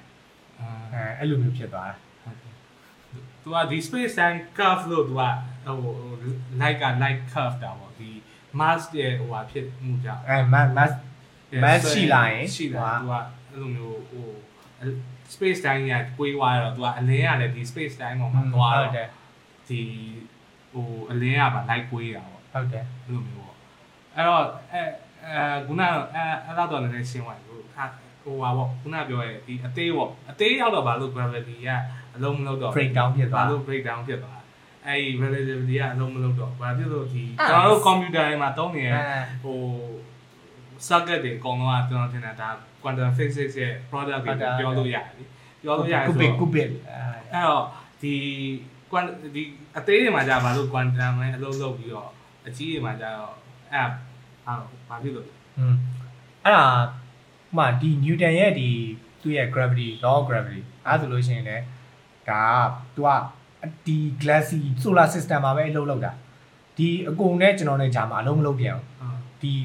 စွင်းငင်အရန်သေးနေပြန်တော့အိုင်ဆိုင်ဟာလည်းအဲ့ဒါဘာနဲ့တူလဲဆိုတော့ခုနကကဘာကြီးပေါ့နော်ကဘာကြီးကိုအနီးကချုံကြည့်လိုက်ဟိုဒီပုံမှန်တိုင်းကြည့်မယ်ဆိုလို့ချင်းခုကြည့်ကဘာကြီးကပြားနေလို့ကျွန်တော်တို့ထင်ရတယ်ဒါပေမဲ့အဝေးကကြည့်လိုက်ရင်ကဘာအလုံးဒါပေမဲ့အနီးကကြည့်ဒါပေမဲ့အရင် microscope လေးပဲကြည့်ပြီးဆိုလို့ချင်းကဘာဒါမျိုးတော့မျိုးဖြစ်နေဟုတ်တယ်မလားဒီမြင်မြင်ဘူးလေဟုတ်တယ်မြင်ဟုတ်မြင်တယ်အဲ့လိုပဲ Newtonian physics ကကြတော့သူတိတ်ပညာရှင်တွေပြောတာပေါ့နော် तू က ကဘာကြီးကိုလုံးဝအကျဉ်းချုပ်ကြီးနဲ့ကြည့်ထားတာသူကလုံးဝအသေးစိတ်ဗျာအသေးစိတ်ဟိုကကြတော့ gravity ကကြတော့အဲ့ထောင်နည်းနည်းပိုကြီးလာတယ်ကဘာကြီးကဟိုအပြားဆိုတာကိုဖက်ဘူးအပြားကဘာကတော့အပြားတော့မဟုတ်ပါဘူးအဝေးကနေကြည့်လိုက်တာကဘာပြားသွားတာဒီနောက်တစ်ခုကကြတော့ဒီအဝေးကနေထပ်ချုံတာအဲ့ quantum physics ကကြတော့အဲ့အဝေးကနေပြီးတော့ထပ်လောက်တာအဲ့သုံးအဲ့အမြင်သုံးခုကအခုချိန်ဒီသိပ္ပံပညာရှင်တွေမပေါင်းနိုင်ဘူးဖြစ်နေတယ်ဟုတ်ကဲ့အဲ့ဟာကိုကျွန်တော်သိသလောက်တော့ဟို ပေါင်းမှုစူးစမ်းတဲ့ theory ရဲ့ string theory ပေါ့ string theory အဲ့ဒါကတော့ string theory လည်း controversy controversy အရင်ဖြစ်တယ်ဟိုခုချိန်ကြီးလည်းလုံးဝမကြိုက်တဲ့သိပ္ပံပညာရှင်တွေလည်းအဲ့မှာတွေကဘာလဲဆိုတော့သူကဟို space time ဟိုနေကအရန် cut ပြီးတော့ dimension တွေကအရန်သေးသွားတယ်ဟိုပြီးတော့ဟိုဟိုဘယ်လိုပြောရမလဲအာ dimension အမြင့်နေသွားတယ်ပေါ့အဲ့မှာအဲ့ဒီ dimension တွေမကြည့်22ခုရေးပါတယ်အဲအဲ့တော့ဟို ဘယ်လိုရှင်းတာမန်လူတယောက်ကိုရှင်းပြရမလဲဆိုတော့ဟိုဘယ်လိုရှင်းပြလို့ရမလဲ dimension ကိုပဲပြောရမှာနော်ဟုတ်ဒါပေမဲ့ကျွန်တော် string theory ကြောင့်လည်းကောင်းအောင်လို့ဒီစာမသိဘူးဒါပေမဲ့ dimension ပိုလာတာနဲ့အမျှသူ့ရဲ့လုပ်ငန်းဆောင်တာပိုပြီးတော့ဖြစ်နိုင်လာတယ်ဆိုတော့ကျွန်တော်ရှင်းပြနိုင်တယ်။ဘာလဲဆိုတော့အခု 2D နဲ့ 3D နဲ့မကောကျွန်တော်တို့ခုနေထိုင်နေအချိန်ကိုဖယ်လိုက်တာ 3D ပေါ့နော် 3D ဟုတ်ကဲ့အရှိဟိုအလျားနိုင်ပြီ။အမအခုဒီဟိုဟာပေါ်မှာဒီစက်ကူတစ်ခုပေါ်မှာလူပုံဆွဲလိုက်လူပုံဆွဲပြီးသူ့ရဲ့ဘေးကနေစဝိုင်းခတ်လိုက် အဲ့လိုရှင် तू က 2D ပေါ်မှာအဲ့ဒီလူကအဲ့ဒီစဝိုင်းအပြင်ကနေတွားလို့မရအောင်ဟုတ်တယ်မလားသူက 2D ပေါ်မှာ 2D ပေါ်မှာဆိုမရကားလို့မရဒါပေမဲ့ကျွန်တော်တို့က 3D ရာရောက်တယ်ဟုတ်တယ်ပြီးတော့အဲ့လိုကျွန်တော်တို့ကအပေါ်ကနေဒါမျိုးဆွဲထုတ်လိုက်လို့ရတယ်အာဟုတ်တယ်အဲ့တော့ကျွန်တော်တို့က dimension တစ်ခုတာတဲ့တာဒါတယ်သူမလုံးနိုင်တာကိုလုံးနိုင်တယ်အဲလုံးနိုင်တယ်အဲ့တော့ dimension dimension ပို့ပြီးတော့အဲ့ဒီ gain တဲ့ dimension ကိုကိုက access လုပ်နိုင်တယ်ဆိုရင်ကိုက super power တစ်ခုရအဲ့တယ်အဲ့ဒါအဲ့ဒါအဲ့ဒါအဲ့လိုမျိုးကကျတော့ဟိုအရန်စိတ်ဝင်စားတယ်မီချီယိုကာကူအာ မီချီယိုကာကူကလုံးဝသူက science fiction ဟိုမှာ science နဲ့လုပ်တာသူက dimension နဲ့လုပ်တယ်အဲ့ဟိုမမြင်နိုင်တဲ့ဟာတွေရောပြီးတော့သိရမလားဟို telepathy တွေရောသူကအဲ့ dimension တွေနဲ့သူကသူရေးထားတဲ့စာအုပ်ရှိတယ် physics of the impossible ဆိုတာဟုတ်ကဲ့ဟုတ်ပြီအဲကြုံရင်တော့ဖတ်ကြည့်အောင်မယ်ကျွန်တော်လည်းကျွန်တော်လည်းတော့သင်ပေးပါမယ်ဟုတ်ကဲ့အဲ့တော့ဟိုခုန quantum ဘက်မှာနည်းနည်းဆက်သွားကြတယ် quantum mechanics ဆိုကြတော့ဟိုနည်းနည်းလေးရှင်းရှင်းပြောကြည့်လားကျွန်တော်နားတယ်တော့တော့ तू က ဟို particles တွေက wave လို့ရော particles ဆိုရော egg လို့တယ်ပေါ့ပြီးရင် quantum entanglement ကကြတော့ဟို observation တစ်ခုလုပ်လိုက်တယ်ဆိုရင်အဲ့ system ကိုကိုကသွားပြီးတော့ effect ဖြစ်တဲ့အတွက်အဲ့ system ကပြောင်းဟို effect တစ်ခုရပြီးတော့ပြောင်းသွားတယ်ဟိုအာဗာလေ double slit double experiment slit experiment the double slit experiment လို့လုပ်ရင်ကြတော့ तू က အာဒီတိုင်းအလိုင်းလေးသူကအနောက်မှာအနောက်မှာခံလာတာသူက receiver slip ပေါ်မှာဟိုသူက detector မရှိဘူးဆိုရင်အနောက်မှာ wave ဆိုဟို pattern တွေပေါ်တယ်ဒါပေမဲ့အဲ့ slit ထဲမှာသူက detector ထည့်လိုက်တာနဲ့အနောက်မှာ particle လိုပဲပေါ်တော့သူကအဲ့ဒါက is ဘလို့ပြောတော့ဒါဘလို့အဲ့ဒါဘလို့နားလေဟို quantum physics ကတော့ဒါတကယ်ဟိုမှန်တယ်ပြောကျွန်တော်လည်းအဲ့လောက်နားမလဲဘူး ကျွန်တော်ဒီဟိုဟာဒီ practical physics ဒီ general relativity တွေဟုတ်အဲ့ကဲ့ဒါအကြောင်းကိုကျွန်တော်လေ့လာတာများတယ်အော်ဟုတ်ကဲ့ဒါပေမဲ့အဲ့ဒီကျွန်တော်ကကျတော့ဒီ Einsteinian physics ပေါ့နော်ဟုတ်ကဲ့သူဟာကိုရန်လေ့လာတယ်အော်ဟုတ်အဲ့ကဲ့တော့ကျွန်တော်ရဲ့အတွေးမြင်တာ astrophysics ဘိုင်းပေါ့အဲကျွန်တော်ရဲ့အတွေးမြင်တာလည်း Einstein နဲ့တူတာ Einstein ဟုတ်ကဲ့အဲ့ဒီ quantum ကိုသူကဘယ်လိုပြောမလဲအရန် against လုပ်ခဲ့တယ်ဗျာသူဟုတ်ကဲ့ခေတ်သူကအတင်ဟုတ်တယ်အမှ Niels Bohr လို့ပါတော့ပြောတယ်ဗျာအတမ်တွေကသူတို့ကို observe မလုပ်သေးဘူးသူတို့ကမရှိဘူးလို့ပြောတာ ဒါအဲ့ဒါဟုတ်อืมသူသူသူရဲ့အဲ့အဲ့ theory အကိုကြောင်းကြောင်းပါတော့ပြီးတော့ Paul Dirac တို့ဘာလို့လဲဒါ uncertainty principle အကိုအကို attempt တလုံးကို observe မလုပ်သေးရေ तू ကသူ့မှာရည်တင်ရရောဟုတ်တယ်သူက super position ဟုတ်တယ် super position ဖြစ်နေနေရာအတိအကျမရှိဘူးအဲ့ဒါအဲ့ဆိုရင်အိုင်းစာမီးတယ်တော့သူကပြန်မီးတယ်အဲ့ဆိုရှင်လည်းငားတယ်မျက်စိမျက်လုံးပိတ်ပြီးလမ်းကူးမယ်အဲ့ဆိုငါ့ကိုကားမတိုင်ဘူးလားဘာလို့ကားတွေကို तू ကကြည့်မှမနေရပြန်ဟောကားဆိုတာလည်းမရှိရဘူးပါအဲ့အဲ့လိုမျိုး तू အိုင်းစာကပြန်ပြောတာ အဲအဲ့တော့အဲ့ဒီဂျားမှာလည်း clash ကတော်တော်လေးကြီးတယ်ဒါပေမဲ့ဟိုနှစ်ခုလုံးကအလုံးဖြစ်နေတယ်ညာသိလားဟိုပြောရတယ်သိရမလားအရင်သေးတဲ့နေရာတွေပါတယ်ဟုတ်တယ်ဘာဖြစ်လို့လဲဆိုတော့ကျွန်တော်သိတာတော့ဒီလို circuit တွေပါနေမှာဆိုရင်အဲ့ဒီသဘောတရားဟုတ်တယ်တောင်းဒီတာဆို Einsteinian physics ကိုလူတွေကနားလဲလွယ်ပြီးတော့ quantum ကိုဘာကြောင့်နားလဲရခက်နေတယ်ကျွန်တော်အပါဝင်ပေါ့ဟုတ်နော်ကဲ့ဘာကြောင့်ခက်နေလဲဆိုတော့ဒါကဒါ everyday physics နဲ့ဆိုင်ပါပဲကျွန်တော်တို့ ဟဟိုးရင်ကျွန်တော်တိုက်ပန်လို့တင်ချာလို့မပေါ်ခင်တော့လူတွေအမဲလိုက်တယ်ပြင်မလားဟုတ်ကဲ့ဟိုဒီလှန်နဲ့ဖြစ်ဖြစ်တရိษံကိုလှန်ပစ်တာတော့အာခဲနဲ့လှန်ပစ်တာဆိုလို့ရှိရင်သူကဒီအားနဲ့ဒီလောက်ပစ်လိုက်လို့ရှိရင်သူကတွတ်လို့ရောက်ရသွားမယ်သူကသူကသူက common sense ဖြစ်နေတာဖြစ်နေဟဲ့ common sense ဖြစ်နေတာကျွန်တော်တို့စိတ်ထဲမှာလည်းရှိတယ်ဟုတ်ကျွန်တယ်တော်တော့ကြည့်ဟိုတခုကရှိတယ်လို့ပဲသိတာအဲ့လိုမျိုးညင်အဲကိုမလည်းဟိုကားလေးကျွန်တော်ဘတ်ကားစရာကြီးပါဆိုတော့သူတို့နေနဲ့ဟိုဘာတင်ချာကျွမ်းစရာမလိုဘာလည်းမလိုဒါပေမဲ့ ဒီနှုံးနဲ့ကိုဘေးကကားလောင်းနေရွေ့နေတယ်သူနှုံးနဲ့လောင်းနေရွေ့နေဒီတိုင်းသွားရင်ဟိုဘက်ကကားဒီဘက်ဝင်လာသူတိုက်မယ်မတိုက်မယ်သူသိတယ်သိတယ်အဲအဲ့တော့ Einsteinian physics ကအဲ့ဒါ quantum physics ကကြတော့ကျွန်တော်တို့ everyday life မှာကျွန်တော်တို့မကြုံတွေ့ရဘူးမကြုံတွေ့ရမကြုံတွေ့ရတော့အဲ့ဒါကိုနားလည်ဖို့အတွက်လေကျွန်တော်တို့ကအရန်အားထုတ်နေရတာအာကျွန်တော်လည်းဟိုမှာမပါဘူးဟုတ်ကဲ့ experience မှာမရှိဘူးရှိဟုတ်တယ်ဒီအဲ့တော့တစ်ချိန်ကြာလို့ရှိရင်အဲ ဒီ quantum physics ကအရန်ကို popular ဖြစ်လာပြီးနောက်ပိုင်းဆိုတော့ပြောတယ်ပေါ့သူနော်သူကအခုနောက်ပိုင်းကျလူတွေကလူတွေကလည်းဟိုပြောတာပေါ့ဒီဒီ physicists တွေဒီထားပါ Sean Carroll Brian Greene တို့သူတို့တွေရဲ့ပြောတာတွေနားထောင်ရတာတော့လူဆိုတာလည်းသူက quantum ဟိုဟို object ပဲပေါ့သူတို့အမြင်ကြတော့အဲလူဆိုတာလည်း quantum object ပဲအဲ့တော့ဒီ quantum physics ကဟိုပြီးရင်ဒီ electronics တွေနောက်ပိုင်းထွက်တဲ့ electronics တွေတော်တော်များများမှာလည်းဒီက apply လုပ်လာတာဆိုတော့ဟိုပို့ပြီးတော့လူတွေပိုစိတ်ဝင်စားတာမယ်ပို့သူပြီးတော့ထင်တယ်ဒါပြောလို့တော့မရဘူးဗျအခုပို့ပြီးလူတွေစိတ်ဝင်စားသူအခုနောက်ပိုင်းကဟိုကိုဗာလေ quantum computer တာရပိုင်းအောင်မှ Google ကလုပ်နေပြီလေသူဟို NASA နဲ့ပေါင်း project တွေအဲ့လုပ်ဒါမှန်တယ်ဒါကျွန်တော်ပညာရှင်အတိုင်းဝိုင်းဘက်မှာသူတွေးတာပေါ့နော်ဟုတ်ကဲ့ဒါပေမဲ့တစ်ဖက်ကတွေးရင်ဒါကျွန်တော်တို့ကဒါခုဆိုလို့ရှိရင်ညာလူတိုင်း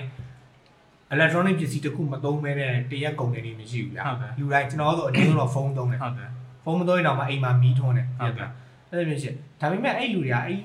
နောက်ွယ်ရဟာကိုဘယ်သူမှမသိဟိုသတိမထားနေမသိဘူးရမသိဘူးပေါ့နော်မသိပြီးတော့ဟိုအာကားစိတ်ကံပြောရတဲ့ခုရှိရပါတယ်ကျွန်တော်တို့ကဒီနီးပညာနဲ့သိပ္ပံပညာပေါ်မှာအများကြီးမိခိုနေတဲ့အဖွဲ့အစည်းဖြစ်တယ်ဟုတ်တယ်ဒါပေမဲ့အဲ့ဒီနီးပညာနဲ့သိပ္ပံပညာကိုတကယ်နားလည်လူက တော်တော်ကိုရှားတယ်ရှားတယ်။အော်တကယ်လို့နောက်ပိုင်းမှာဒီသိပ္ပံနဲ့နီးပညာကိုအလွဲဟိုလုံးဝနားမလဲဟိုတစောက်ကန်းသမားကနိုင်ငံခေါင်းဆောင်နေနဲ့ကြီးတာတွေဖြစ်သွားလို့ရှိရင်လူဖွဲ့စည်းရမတူသွင်းစရာပဲဆိုတာနောက်တစ်ခုပေါ့ဒါတော့ထည့်လို့ရဘိုးဟိုမေးချင်တာဒီသိပ္ပံပေါ့သိပ္ပံပညာနဲ့ဒီ religion နဲ့ဘယ်လိုမျိုးတွေအရင်တော့ဆိုရင်တော့ဒါပေါ့အများသောအားဖြင့်တော့ဒီဒီ science ဆိုတာခုနပြောတဲ့ European တွေဘက်ကစတာဆိုတော့သူတို့ဘက်မှာတော့ Christianity နဲ့ ဒီ science နဲ့အမြဲတမ်းမတည့်ဘူးပေါ့အဲ့လိုမျိုးတော့အဲ modern science ကတော့ modern ပေါ့ modern science ပေါ့တကယ် science ကတော့ကျွန်တော် Asia ဘက်ကအေး Asia ဘက်ကဒီတရုတ်တို့အိန္ဒိယတို့ဘက်ကစတာတကယ်လက်ဟုတွေ့တ်တယ်စတာတင်ချာရပါလေဆိုလည်းဒီဘက်ကဟိုဒီလိုမျိုးစတယ်ကျွန်တော်သိတာဆိုတုံညဆိုတာဒါအိန္ဒိယအိန္ဒိယထားရ0 0ဆိုတဲ့ concept ကိုပေါ့နော်အဲ religion religion ကဒါကျွန်တော်ကျွန်တော်ပြောမယ်ကျွန်တော်အဖေမိလဲဒါဗုဒ္ဓဘာသာပါနော်ကျွန်တော်လည်းဗုဒ္ဓဘာသာအခုချိန်လည်းဗုဒ္ဓဘာသာပဲ ဒါပေမဲ့တစ်ခုရှိတာကဒါကျွန်တော်တို့ပြောပြီးပြီဟိုမျိုးပေါ့နော်အကိုငင်း religion မှာကသူကစုံးမတာရှိတယ်လူတွေကမကောင်းတာလုပ်ဖို့ကောင်းတာလုပ်ဖို့ဟုတ်ဟုတ်မကောင်းတာမလုပ်ဖို့ကောင်းတာလုပ်ဖို့အဲဒါပေမဲ့လွန်ခဲ့တဲ့နှစ်ပေါင်းဒါပါတော့လွန်ခဲ့တဲ့နှစ်ပေါင်း2000 2500 3400ကလူတွေပဲထားပါတော့သူတို့ကြတော့သူတို့ခေတ်ကဒါလူတွေကတော်တော်တော်များများအိဆာကာမလောက်ပဲသိတယ်အာပြည့်မလားဟိုကျွန်တော်တို့ဒီပညာတွေပိုင်းမတင်ရအောင်ဒါကကောင်းတယ်ဒါကမကောင်းဘူးအဲ့ဒါမျိုးသူတို့ကတင်ခွင့်မရှိဘူး အဲ့တော့ဒါပေမဲ့သိတဲ့အပိုင်းသိတဲ့လူတန်းစားနည်းနည်းပဲရှိတယ်အဲ့ဒီမှာလူတွေကပါလို့အကိုငငယ်တော့အကိုကိုလို့ဖြစ်ဘူးလားတော့မသိဘူးထားပါတော့အကိုညာပိုင်းဆိုလို့ရှိရင်လက်သေးမညက်ရအောင်ကိုဖေးမိကပြောတယ်အဲ့ဆိုလို့ရှိရင်တကူပြစ်မယ်ပြီးတော့အိမ်ကြီးနဲ့ထမင်းမစားရဘူးပြောတယ်ဟုတ်တယ်အဲ့ဆိုလို့ရှိရင်မွေကြီးဖြစ်သွားမယ်သူကဟုတ်ပြောဟုတ်တယ်ဟုတ်ဒါလားပေမဲ့တကယ်တကယ်တကယ် digestive system system ပြည့်မလားဒီအစာအခြေစနစ်ကဒီအစာရင်လမ်းကြောင်းကဒါအိမ်မကောင်းကြီးမကောင်းဘူးကွာဒါပေမဲ့ကလေးကိုသွားပြီးသိမှာ မသိဘူးသိအောင်ပြောရဲလင်းတော့အေးသိပါသိသိဒါပေမဲ့အလွယ်ကမွေပြကလေးကမွေပြမှာကြောက်ဟိုပြီးပါဒါရဲ့တော့နောက်တစ်ခုပေါ့နော်ဒါ topic တစ်ခုဘာလို့ဆိုတော့ဒီမှာကျွန်တော်တို့ရဲ့ traditional parenting ကလည်းတော်တော်ဟိုအဲ့ဖြစ်တယ်ပြီးတော့ညာပိုင်းလည်းတူတူပုံတိုင်းမဆောင်ရဘူးနက်ဖွက်တက်တယ်ပြောတကယ်ပြောကက်မှာမွေပါခင်းမဆိုအဲမွေပါခင်းမပါရှယ်ရှိတယ်ငယ်ငယ်တော့အဲ့ပေါ်နေမှာဆိုရင်မွေးပါဒီမွေပါခင်းမလေးသိမဟုတ်လားတယ်ရှိတယ်အော်ဒါပေမဲ့အဲ့လိုမျိုးကလေးတွေအဲ့လိုအဲ့လိုပဲအဲ့လိုပဲဒီလူငယ်နှစ်ပေါင်း2000 2500တော့ကလူတွေကိုမကောင်းတာမလုပ်ဖို့က နေဦးရဲ့ထိတ်ကြော်ခံရတာနဲ့ခြောက်ရတယ်အဲကောင်းတာလို့တော့ပါပါကြကြတော့တော့လက်ခံတယ်ကောင်းတာလို့ဟိုကကြတော့လေဒီကထားတော့ဒါဒါလက်လေးပြီးပုံပေါ်ကောင်းပါလေးအများကြီးတယ်အဲ့ရအဲ့ကအဲ့လိုဖြစ်နေတာဟုတ်အဲ့လိုဖြစ်နေတာအဲသမီးတစ်ဖက်900အဲနန်မီတစ်ပတ်ငါတော့ပါအဲ့နောက်ပိုင်းမှာ religion ကအဲ့ ခေတ်အခါမပေါ်မရှိခဲ့လို့လားဆိုတော့ရှိတော့ရှိခဲ့နေတယ်သူတို့ကဆုံးမပေးခဲ့တာလူတွေမကောင်းတာလို့ကောင်းတာလို့ဟုတ်ပြီးတော့ကောင်းကင်ဘုံကခုမိုးတွေကျလာတယ်ဘာကြောင့်ကျမှန်းမသိဘူးလေရေလို့ရေသွားကျွန်တော်တို့ဒီကျမ်းမြေဒီကန်ထဲမှာပဲတွေ့ဘူးလားပြင်ထဲမှာပဲတွေ့ဘူးလားလေဟိုမိုးပေါ်ကနေပြုတ်ကျတယ်ဆိုအရင်ထူးဆန်းတယ်အင်းဟောသူကရှောက်ထွင်ဟိုထွင်ကြတယ်ပေါ့နော်မိုးပေါ်ကကျွန်တော်တို့ဩဇာတိတ်ကမှအရင်ကြီးမားတဲ့လူတစ်ယောက်ကောက်ကလုံနေသလိုမျိုးအမှ relation တွေကကဘာအသီးသီးမှာအဲ့ကာလမှာပေါ်ရဲ့ဟုတ်ကဲ့ဟုတ်ကဲ့ဒါပဲ အဲအဲ့တော့အခုဒီဘက်ခေတ်ရောက်တာတော့ဥပမာထားပါတော့ဟိုခုနပြောသလိုဟို Big Bang ကအစပဲဆိုရဲဟာရောအဲ့လိုမျိုးပေါ့ခုနတချို့ကြတော့လေအာ Big Bang ကဘယ်လိုဖြစ်လာလဲဆိုတာမသိဘူးဆိုတာဒါ God ကလုံးလို့ Big Bang ဖြစ်တယ်ပေါ့အဲ့လိုမျိုးအဲဟို argue လုပ်တဲ့သူတွေရှိတယ်ပေါ့အဲ့လိုမျိုးကြတော့အဲကျွန်တော်အမြင်ကကြတော့ဒီ science ဆိုတာအဖြေမသိမချင်းကျွန်တော်တို့ကမသိဘူးလို့ပြောမရသိအောင်ဘူးလို့ပြောရမှာတခုလွှဲချလို့မရအောင် အဲ့လိုမျိုးပေါ့အဲအဲ့တော့အာဘယ်လိုမြင်လဲ तू အခုနောက်ပိုင်းဒီဟိုခုနပြောသူကျောင်းနေမှာဟိုသူတို့ရှိမှာပေါ့အမေရိကမှာတော့တချို့ယူရိုပီယန်ကျောင်းနေမှာဆိုလဲဒီအဲတင်ချာမတင်ရဘူးလို့ physics မတင်ရဘူးလို့အဲ့လိုမျိုးတွေရှိရရှိရှိတယ်ဒါပဲဒီမှာဟိုအဲ evolution theory theory ကိုမတင်ရဘူးလို့ဘာလို့အဲ့အဲ့လိုမျိုးတွေကြတော့ဟိုဘယ်လိုမြင်လဲပေါ့အဲ့လိုမျိုးဟာတွေကတတကယ်တော့ကျွန်တော်တို့က secular society ကို အားပေးအားတဲ့ပေးတယ်အဲ့လိုပေါ့လက်ခံဟိုဒီ observation နဲ့ဒီတက်တွေကိုပဲလက်ခံအဲ့ဒါဘယ်လိုဖြစ်လဲဆိုတော့ဟိုဒီအဲ့ဒါဟိုက philosophy တခုရှိရယ်အာ Russell Russell ဟုတ်ကဲ့ Bertrand Russell ဟုတ် Bertrand Russell အဲ့ philosopher တွေးတာပါအဲ့ဒါဒီဒီ science နဲ့ religion မှာလည်းမဟုတ်ဘူးဒီကျွန်တော်နေ့စဉ်ဘဝမှာလည်းဒါအသုံးဝင်ပါတယ်ဟုတ်ကဲ့။ဘာလဲဆိုတော့သူကဥပမာပြကျွန်တော်ကိုယ်ပြောလိုက်မယ်ဒီအင်္ဂါဂျိုဘေးမှာပဲဖြစ်ဖြစ်ပေါ့နော်တနေရာမှာထားပါတော့အင်္ဂါဂျိုဘေးမှာဒီကိုလိုကျွန်တော် သူကတော့ရင်သွေးခရားလို့ပြောတယ်ဒါအခုကျွန်တော်မြင်တာကိုပြောလိုက်မယ်ကဲဒီဘီယာဘူးလေးကလှဲ့နေတယ်လှဲ့လို့လေဘီယာဘူးဆိုတာသေးလေးပြကျွန်တော်တက်ထွာတော့မရှိဘူးဟုတ်တယ်အဲ့ဟာလေးကအင်္ဂါဂျိုဒီမိုင်းမောင်းတန်းချီတဲ့နေရာမှာရှိနေအဲ့ဒါကိုကျွန်တော်တို့ကတွေ့အောင်ကြည့်နိုင်တာအင်းအဲမကြည့်နိုင်ဘူးဟိုကြည့်ဖို့တော့အရန်ခက်ခဲတယ်ဗျာဒါပေမဲ့အဲ့လိုမျိုးဆိုလို့ရှိရင်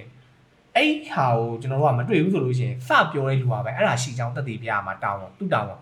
ဒါပေမဲ့အဲ့ဒါကို तू ကရှိရဲလို့ပြောလို့ငါမယုံဘူးငါတွေ့မှမတွေ့တာအဲ့လိုပြောလို့ရှိရင် तू သူ့ရဲ့အပြစ်မဟုတ်ဘူးသူ့မှာတက်တည်မရှိတာဟုတ်ဟောဒီဟာကိုကိုကတခုအစိုးတခုတင်သွင်းလိုက်ပြီဆိုလို့ရှိရင်အဲ့ဆိုကိုကတက်တယ်အဲ့ဗျာဆိုကိုကတက်တည်ပြရမှာကိုတင်သွင်းလိုက်တဲ့အစိုးတစ်ဖက်ကဟိုလက်မခံလို့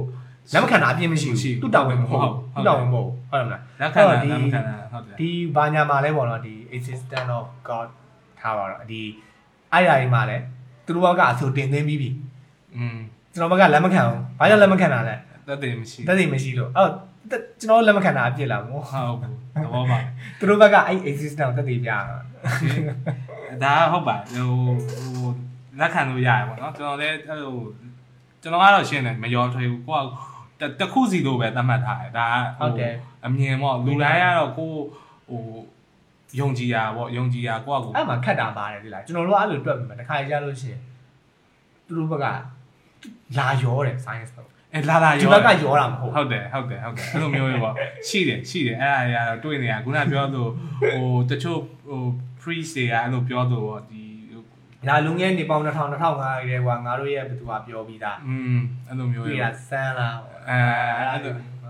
အဲအဲ့လိုမျိုးပဲပေါ့အဲပြီးတော့ခုနဂျိုတွေအကြောင်းပြောတော့နည်းနည်းဟိုဟာဖြတ်ပြောမှာဒီကဘာကျွန်တော်တို့ကဘာဖြစ်လို့ too special ဖြစ်လာအဲ is it a special special မဟုတ်ကျွန်တော်တို့ကအခုဖြစ်နေလို့ကိုကို special ဖြစ်မှန်းသိတာအဲ့လိုပေါ့အဲ့လိုပြောကြရပါဒါဖြစ်ဆိုဘာဖြစ်လို့ခုနပြောလို့13.8 billion years ဆိုတော့အဲတခြားကဘာတွေလည်းဖြစ်ပြီးရင်ပြတခြားရှိခဲ့မယ်ဒါပေမဲ့အခုချိန်မှာဘာလို့အခုချိန်တစ်ချိန်တည်းမှာကျွန်တော်တို့ကဘာတစ်ခုမှပဲတက်ရှိရှိလာတာအာဟိုတခြားမှာလည်းရှိရင်တော့ရှိမယ်မတွေ့သေးတာပဲရှိတယ်อืม အဲ့တော့ဒီအခုအခုနောတော့က်ကကျွန်တော် probability တွက်ပြမယ်ဗျာဒီမှာဟိုဒီ Milky Way galaxy အတွင်းမှာကျယ်ပေါင်း4 billion 400 billion ရှိတယ်400 billion 400 billion ရှိတယ်ကျယ်ပေါ့နော်ဟုတ်ကဲ့အဲ့ကျယ်ထဲမှာ400 billion နော်400 billion ဆိုတော့တန်း4000တန်းနေတာအဲ့တန်း4000မှာမှာအဲ့ထဲမှာမှာတန်းမှာတစ်ခုဂျိုပိုင်မယ်ဟုတ်ပါနေဖွဲ့စည်းရှိမယ်อืมအဲ့တအဲ့ဂျိုပိုင်နဲ့တတန်းမှာတစ်ခုပိုင်နဲ့ဟိုကျဲကျဲရဲ့အဲ့ဂျိုထဲမှာမှာအဲ့ဂျိုထဲမှာမှာတတန်းမှာတစ်ခုကတက်ရှိဖြစ်ထုံးမယ် ပြီးတော့အဲ့တက်ရှိဖြစ်ထုံးတဲ့ဂျိုတွေအားလုံးထဲမှာမှာတတန်းမှာတစ်ခုကကျွန်တော်တို့လိုဒီ intelligent intelligent ကျွန်တော်ဒါ Life ဒါ intelligent လို့လူတွေကတွက်တာလဲဒါဒါကိုအတိုင်းဒါကိုပေးပေါ့တယ်ဒါကိုကိုပေးတယ်နဲ့ကိုဒါကျွန်တော်တို့ပေးတယ်ကျွန်တော်တို့ intelligence ပေးတယ်ဒါ communication ကျွမ်းတယ်ကျွန်တော်တို့ကဒီ radio technology တွေဒီ internet technology communicate လုပ်နိုင်တာလုံးနိုင်ဟုတ်လားဒါတဲ့ battery ဆံမှာမလုံးနိုင်ဘူးအဲ့ဒါကို intelligence လို့အဲ့လိုမျိုးတတန်းတတန်းတတန်းနဲ့အဲ့လိုမျိုး probability ကချုပ်လိုက်မယ်ဆိုရင်မှ make it weightless စီထဲမှာကိုဒီဟိုဟာကျွန်တော်တို့လို အသက်ရှင်အဖွဲ့အစည်းပေါင်းပါတော့ဟိုက၄သန်းလောက်ရှိနေတာဗျာ၄သန်းလောက်ရှိနေတော့ဒါကကျွန်တော်တို့ကတကယ်လို့မရှိဘူးဆိုတော့ဒါဘယ်လိုပြောမလဲကားစီကံပြောဘူးက that's an awful waste of space အာအဲလိုပဲဒီနေရာနေရာလေးကအတက်လို့အလဟတ်တက်ဖြစ်နေတာအလဟတ်တက်ဖြစ်နေတာဟိုဒါ glacier လည်းကျွန်တော်တခုလည်းရှိရဟုတ် glacier ပါလည်းအများကြီးအဲ့တော့ဒီဘာလို့အခုချိန်ကြီးမတွေ့သေးရမတွေ့သေးရပြီးတော့ထားပါတော့ဟို UFO sighting တွေဖြစ်တယ်ဆိုရင်များသောအားဖြင့် ဒီအမေရိကမှာပဲတွေ့တာအဲ့ပြီးတော့ဘယုံတော့ကကင်မရာလေးနဲ့ရိုက်ထားတာအဲတော့အဲ့ဒါကလည်းဘာကြောင့်လဲဆိုတော့အခုအဲ့ဒါစက်ကြောင်လိုက်သွားအကြီးပြတည်မလားဟုတ်ကဲ့ဟိုနေရဲ့အလင်းကကျွန်တော်ကဘာကိုရောက်ဖို့10မိနစ်နဲ့16စက္ကန့်ကြာတယ်ဗျာဟုတ်ကဲ့ဒီကဘာနေပြီးတော့အနည်းဆုံးကျေဦးသွားဖို့အတွက်ဒါဒီ၄နှစ်ကြာတယ်ဗျာပြီးတော့အဲ့ဒါမှာစက်ကြောင်လာကြီးရဲ့အစွန်ဖျားကိုသွားဖို့အတွက်လို့ရှိရင်ဒီ4ဟို 43 billion ရီရကြာတယ်ဟုတ်ပြီအဲ့တော့ကျွန်တော်တို့ကဒီဟို speed of light နဲ့မသွားနိုင်သေးရတော့မဖြစ်နိုင်ဘူးမပေါ့ဖြစ်အဲ့လိုအကိုလည်းရန်ကုန်မှာနေတယ်ကျွန်တော်လည်းရန်ကုန်မှာနေတယ်ဒါပေမဲ့ကျွန်တော်ရန်ကုန်မြို့ဆိုတာဒါအကျယ်ကြီးပဲဟုတ်ကဲ့ပြောမယ်ဆိုတော့စက်ကြောင်လိုင်းနဲ့ scale နဲ့မပြောဘူးဗျာဟုတ်ကဲ့ဒါပေမဲ့ကျွန်တော်အိမ်ကိုအကိုရုပ်တရက်ကြီးရောက်လာဘူးလားမရောက်ပါဘူးအခုကျွန်တော်ခေါ်အားရောက်လာလေဟုတ်တယ်အကူကတော့တခြားနေရာကြီးရှောက်သွားနေမှာပဲဟုတ်တယ်မလားဟုတ်တယ်ကျွန်တော်ကပစုံတော်မှာနေမဲ့လေကျွန်တော်အိမ်ကိုကျွန်တော်ကဘိုးထောင်မှာနေတယ်အကိုဘိုးစုံတော်ဘက်တော့ရောက်ရမှာဘိုးထောင်ဘက်ရောက်လာခြင်းလားရောက် ဒီလိုပဲစကြဝဠာကြီးအကျယ်ကြီးပဲအဲ့တော့နေချဲ့နေတဲ့ကောင်တွေရှိရင်ရှိမှာဒါမဲ့ဒီကျွန်တော်တို့ရဲ့ဒီ solar system ဘေးကဒီဂျိုလေးသေးသေးလေးကိုတိုက်တိုက်ဆိုင်ဆိုင်ရောက်လာရောက်လာဘူးလား chance နဲ့ဟုတ်ပါပြီးတော့ဒီလူတွေဘက်ကလည်းစပြီးတော့ဒီ communication စပြီး radio line တွေလွတ်တယ်ဆိုတော့နှစ်တရာပဲရှိသေးတယ်อืมအဲ့တော့ဟုတ်ပြီအဲ့တော့နှစ်တရာပဲရှိသေးတယ်ဆိုတော့ဟန်ဟန်အဲ့တော့100 light years away အတော့ရောက်သွားပြီရောက်သွားပြီ100 light years သူဘက်ကနေပြီးတော့ communication ပြန်လာမယ်ဆိုနောက်နှစ်တရာဆောင်းအောင်ဆောင်း ထားတော့အင်းစိတ်ဝင်စားစရာအဲ့အဲ့လိုမျိုးပေါ့နော်အဲ့တော့ဒီကမ္ဘာပေါ်မှာတွေ့သမျှ UFO sighting တွေကမဟုတ်ဘူးပေါ့ပြဟုတ်တယ်မဟုတ်တယ်ပြောလို့ဘာမှတက်တိမခိုင်းပါဥပမာပြောရမယ်ဗျာကဲဒီလုံးဝစက်ကြောင်လာအကျယ်ကြီးဗျာဒီလိုက်ရားတွေဖြတ်ပြီးတော့လာခဲ့တဲ့အသိဉာဏ်ကြီးအသိဉာဏ်ကြီးတက်ရှိဖွဲ့စည်းရကမ္ဘာပေါ်မစင်းတဲ့ဘယ်နဲ့ဘာလို့ပကံပြတဲ့တက်ချာအဲ့လောက်ဒီမြင်ပါတဲ့နီးပညာတွေပိုင်နေတာဗျာကျွန်တော်တို့လာပေါ်သွားတာတော့မှဟို ကျွန်တော်ပြန်မကြဘူးဗျာဟုတ်မလားဟုတ်တယ်အဲ့ပြီးတော့ပြီးတော့အဲ့သူတို့ဒီ conspiracy theory ကျွန်တော်ဖတ်ဘူးတဲ့ဟာတွေမှာသူတို့ဂျိုသားတွေတုံးတယ်ဆိုတဲ့ပစ္စည်းတွေလေအဲ့ပစ္စည်းတွေကဘာကြောင့်ဒီကျွန်တော်တို့ပဲအားလုံးသိတဲ့ microscope တို့ဒီရိုးတက်ခွဲတဲ့ပစ္စည်းတွေဖြစ်နေအဲ့နောက်တစ်ခုကဟို documentary ပေါ့ Netflix မှာရှိအဲ့ Bob Lazar သူကအရင်တော့ area 51မှာအလုပ်လုပ်ခဲ့တဲ့သူပေါ့နော်သူသူ့ကိုသူပြောတာပေါ့သူဟိုသူကလည်း scientist တော့ဟုတ်ခဲ့သူရဲ့ ဟို record တွေရတော့ရှိတယ်ပေါ့နော်သူကအဲ့လိုမျိုးဒီသူအဲ့မှာအလုပ်လုပ်တော့ဆိုအဲ့လိုမျိုးရင်ပြန်နေသူတွေ့ခဲ့တယ်ပေါ့ပြီးတော့သူကအဲ့သူအဓိကသူ့ကိုပြန်ပြီးသူကလွန်ခဲ့တော့ဘယ်နှခုနှစ်ထဲအဲ့အကြောင်းကိုပြောနေတယ်ဒါပေမဲ့အခုမှဘာလို့ပြန်ပြီးမှဖြစ်တယ်ဆိုတော့သူကအဲ့သူပြောတဲ့ element 115ဆိုတာအခုလူတွေကဟို lab ထဲမှာလုံးလို့ရရ man made 150ဆိုပါ periodic table မှာ periodic table မှာဟုတ်အဲ element 150 115ပေါ့နော်သူကအဲ့ဒီအကြောင်း သူကအဲ့ဒုံခဲ့တော့10 10နှစ်ကျော်15နှစ်လောက်တည်းသူကပြောဆိုတော့သူ့ကိုနည်းနည်းအဲ့လိုမျိုးပေါ့ပြန်ပြီးတော့သူတွေကစိတ်ဝင်စားကြစိတ်ဝင်စားလာအဲအဲ့တော့ကျွန်တော်ထင်တာတော့ဒီတကယ်လို့အဲ့လိုမျိုးရင်ပြန်နေပါလေရှိခဲ့တယ်ဆိုရင်တော့မှကျွန်တော်ထင်တာဒါဟိုးအရင်တော့ရှိခဲ့တဲ့ဟာကိုသူတို့အမေရိကကျွန်တော်မသိဘူးဗျအဲ့သူတို့ government တနည်းနည်းနဲ့ရထားသူ အဲ့ technology ကိုသူကတဖြည်းနဲ့ reverse engineer လုပ်ပြီးတော့ပြန်ပြီးတော့ဟိုကလုပ်နေတယ်လို့ထင်တယ်။ဘာဖြစ်လို့လဲဆိုတော့စဉ်းစားကြည့် stealth technology လို့ပါလို့ဆိုတာဒါဟိုစိတ်ဝင်စားဖို့ကောင်းတယ်ဒီ technology ဘယ်လိုရတာလဲပေါ့အဲ့ဒါကတော့ဒီလိုပါပဲဘယ်လိုပြောမလဲခေတ်ဆက်ဆက်မှရှိဟိုးရင်တော့လည်းလူတွေကလေအရန်ကဘာလုံးမှာဘယ်သူမှအဆောက်အဦကြီးမှမဆောက်နိုင်ဘူးမှာ Egyptian တွေကပြင်ပြီးဆောက်ခဲ့တာอืมပြင်ဆောက်ခဲ့တော့ကြိုးစားတယ် အကျိုးသားရဲ့လို့ထင်တာပေါ့နော်ကျွန်တော်ကျွန်တော်ကဒါတွေကဟိုပွင့်နေပြောရင်စိတ်ဝင်စားဖို့လည်းကောင်းတယ်တခါကျ entertaining ဖြစ်တယ် entertaining ဖြစ်တယ်အမှန်ပဲအဲ့ဒါ conspiracy တွေကလေ entertaining ဖြစ်တယ်ဆိုတော့ဒီဟိုဟာအဲ့လိုမျိုးတခါကျ YouTube မှာ video ရှောက်ကြည့်ပေါ့သိရမလားအဲအဲ့လိုဆိုတော့ဒီတချို့ဟာတွေကဟိုသူတို့ပြောတဲ့ reason တွေကနည်းနည်းအဲ့လိုဖြစ်နိုင်တယ်ပေါ့သိရမလားအဲ့လိုသူမျိုးတို့ဘက်ကလည်းဒါဟိုရှိအဲ့လိုမျိုးတွေရှိရအောင်ထားပါတော့အဲ့တော့ခုနပြောတဲ့ဟာ အဲ့တော့ဒီ technology မြင်တဲ့ဟာတွေက one hole တွေပါလုံးနိုင်တယ်လို့မထင်ဘူးလားဟို one more လုံးနိုင်မှုလားအဲ့ဘာပြော energy တွေပါတွေကလည်းအဲ့ဒီခုနပြောအနတဲ့န္တတွေပါလုံးမှာဟော infinity တွေရဲ့ကိုကကျွန်တော်တို့ကဒါ nuclear fusion နဲ့တော့မှကျွန်တော်တို့က nuclear တပေါင်းမှုတွေရှိတယ်အဲ့ဒါတွေက fission တွေပဲလေ fission နဲ့ fusion တော့မလုပ်နိုင် fusion တော့မလုံးနိုင်သေးဘူးဗျာ contain မလုံးနိုင်သေးဘူးအဲ့ဒီ energy ကိုဟောတော့ဒီကမ္ဘာပေါ်မှာသုံးတဲ့ဒီကျွန်တော်တို့သုံးတဲ့ဒီလျှက်စစ်စွမ်းအင်လေးဆိုတာနေရဲ့စွမ်းအင်နဲ့ဆိုလို့ရှိရင်ဟိုဟိုလုံး ဘာမှ ဘာမှမဟုတ်ဘူးဗျာဟော one more ဆိုတာကျတော့နေရဲ့စွမ်းအင်ထက်တော့မှ तू ကကြီးနေပြန်ရောဒါ theory ရပါတော့ကျွန်တော်တို့လူတွေလုံးနိုင်မှုကတော့ဒီ Kardashian scale လေအဲ level level 1လောက်ထိရောက်သွား ရောက်သွားမှာအင်း ဖြစ်နေတာပဲ Star Wars တွေက global society တခုဖြစ်ဟိုတကဘာလုံးရဲ့စွမ်းအင်ကိုသုံးနိုင်တော့မှမရသေးဘူး ဒါ เนาะ ဒီမှာလုံးရဲ့စွမ်းအင်ကိုသုံး အဲ နိုင်တာ civilization 0 zero 0 0 ဘာ 1 မှ က မဟုတ်လား မဟုတ်မဟုတ်0 1ကျတော့သူ့ရဲ့ solar system တခုလုံးသူရဲ့ဆိုတာဒီကျဲ Star Wars အင်း Star Wars ဆို Star Trek တို့ဟုတ်အဲ့ဒါတွေ level 1ဖြစ်သွားပြီဟုတ်သူရဲ့ပါဒီကျဲရဲ့စွမ်းအင်ကိုသူကဓာတ်ရိုက်ဓာတ်ရိုက်တူတောင်သုံးဆွဲနိုင်တယ် Star Wars ထဲမှာဆို Death Star တို့ပါတော့လေဟုတ်နေစွမ်းအင်နဲ့ပြစ်ပလိုက်ပြစ်တာပလိုက်တာအဲဒါတော့ကျိုးပဲပြီးတော့ Type 2ကကျတော့သူက Galaxy တစ်ခုလုံးရဲ့စွမ်းအင်ကိုပါချဲနိုင်တာအာဒါ Kardashian ကတွက်ခဲ့တာပေါ့နော်ခုကျွန်တော်တို့က0မပြောနဲ့လို့မျိုး Zero 0ရောက်ဖို့တော့မှအနည်း900လောက်ကြာမယ်လို့တချို့ကပြောမယိုကာကူလို့ပါလို့ပေါ့ อืมအဲ့တော့ဟိုပြောရမယ်ဆိုရင်ဒီအခုနောက်တစ်ခုစိတ်ထဲပေါ်လာတာဗာလဲဆိုတော့ဒီ parallel universe တွေပေါ့ဒါလည်း universe parallel universe တွေကြတော့ဘယ်အာဟိုကိုအဲ့ရီးရယားဘယ်ကောင်မဗျာဟို science fiction တိုင်းမှာအခုဆိုအများတန်းပါ parallel universe တွေအဲ့မှာဘယ်ဟာပဲကြည့်ကြည့်ဟို Avengers ပဲကြည့်မလားသိရမလား series ပဲကြည့်မလားဘယ်မှာပဲဖြစ်ဖြစ်အခုနောက်ဆုံးကိုရီးယားကားမှာတော့မှ parallel universe တွေပါလာအဲအဲ့တော့ဒီ parallel universe ဆိုတဲ့ဟာရော အဲ့ဒီဟို idea ကိုပေါ့တကယ်တော့ဘယ်ကနေဟိုဖြစ်ကျွန်တော်ထင်တာတော့ဒီဒီ Big Bang Big Bang quantum အဲ့ဒါတွေအစားဖြစ်တာပဲအဲ superposition တွေတွေပါရရတယ်ပြောတယ်ဒီစကြဝဠာကြီးရှိလို့ပဲတခြားဒီစကြဝဠာကြီး superposition တွေနဲ့တခြားတနေရာမှာရှိနေမလားဆိုပြီးတော့တခုလူတွေသိတာမှာလေ quantum parallel ဆိုတာ theory ပဲ fact မဟုတ်ဟုတ် fact fact တော့မဟုတ် fact မဟုတ် theory နဲ့ fact နဲ့ကွာခြားတာကိုသိရမှာသိသိပါရသိပါမှာဟိုဒါ gravity ဆိုတာ fact ပြဟိုအပေါ်ပြစ်ထည့်လို့ရှိရင်ကြောက်ကိုပြန်ကြောက်ကိုကြားတယ် ဒါမှမဆန်းရသေးတာ black hole ထဲဝင်သွားရင်ဘာဖြစ်မလဲဆိုတာလူတွေမှာ theory တွေရှိတယ် fact မဟုတ်သေးဘူးသူကဟိုပြောကြတာပေါ့ဟိုဒီဒီ black hole ရဲ့ဝင်သွားရင်ဟိုဘက်ကပြန်ထွက်တယ်လို့ငါအဲ့ဒါ theory တွေရတော့အမျိုးမျိုးဖြစ်ဟိုနိုင်တယ် interstellar လား interstellar ဆိုလို့ရှိရင်လည်းဒါလုံးဝ fiction လောက်သွားတာကွာလုံးဝဒါပေမဲ့ kip kip တောင်းရဲ့သူ့ရဲ့ဟိုဟာကစ်တွန်ရဲ့အာဘော်ပါတွေပေါ်ပေါ့တယ်နော်ပေါ့ဟုတ်အဲ့မှာအဲ့မှာခိုးတလောကတော့ဟိုဒီ evolution တို့ပါတော့ဒီမျိုးစင်ပြောင်းလဲတာပေါ့ဆိုမှာဟိုတလောကမှ fact ဖြစ်သွားတာပဲလူငယ်တဲ့နှစ်10ခန်းလောက်ကမှ ဟိုရင်တုန်းကလူတွေက theory ပဲသူတို့အစင်သက်မှတ်တာနောက်ပိုင်းတော့ fact ဖြစ်သွားပြီဟုတ်ကဲ့ဒါ evolution ကဒါဟို creationist တွေကတော့လုံးဝခုချိန်ကြီးလဲခါခါသီးသီးပါပဲဒါလုံးဝလက်မခံဘူးဟုတ်အဲ့တော့ဒီခုနပြော parallel universe ဆိုအဲ့ဒီဟာဟိုကျွန်တော်သဘောပေါက်တာ तू ကဟို Avengers ထဲမှာရှင်းတယ်မျိုးနောက်ထပ် timeline ဖြစ်ပြီးတော့တစ်ခုဖြစ်သွားတာရှိတယ်လို့အစတည်းက तू က universe တွေအများကြီးဖြစ်နေနိုင်တယ်ဆိုတော့အဲ့လိုမျိုးနှစ်မျိုးရှိရပေါ့အဲ့အဲ့အဲ့ဒါဘယ်လိုကွာ multiverse နဲ့ အဲ့ဒီ parallel universe နဲ့ဘယ်လိုกว่าလားတူတူပဲလားဒါမှမဟုတ်အခေါ်အခေါ် idea တူပြီးတော့စကားလုံးပဲ꿰တာ ဟိုအဲ့ဒါကတော့ဒါဟိုဟာ language ပိုင်းဖြစ်သွားပြီ science ပိုင်းမဟုတ်တော့ အော် multiverse ဆိုတာ universe တစ်ခုတက်ပို့တဲ့ဟာဟိုမှာ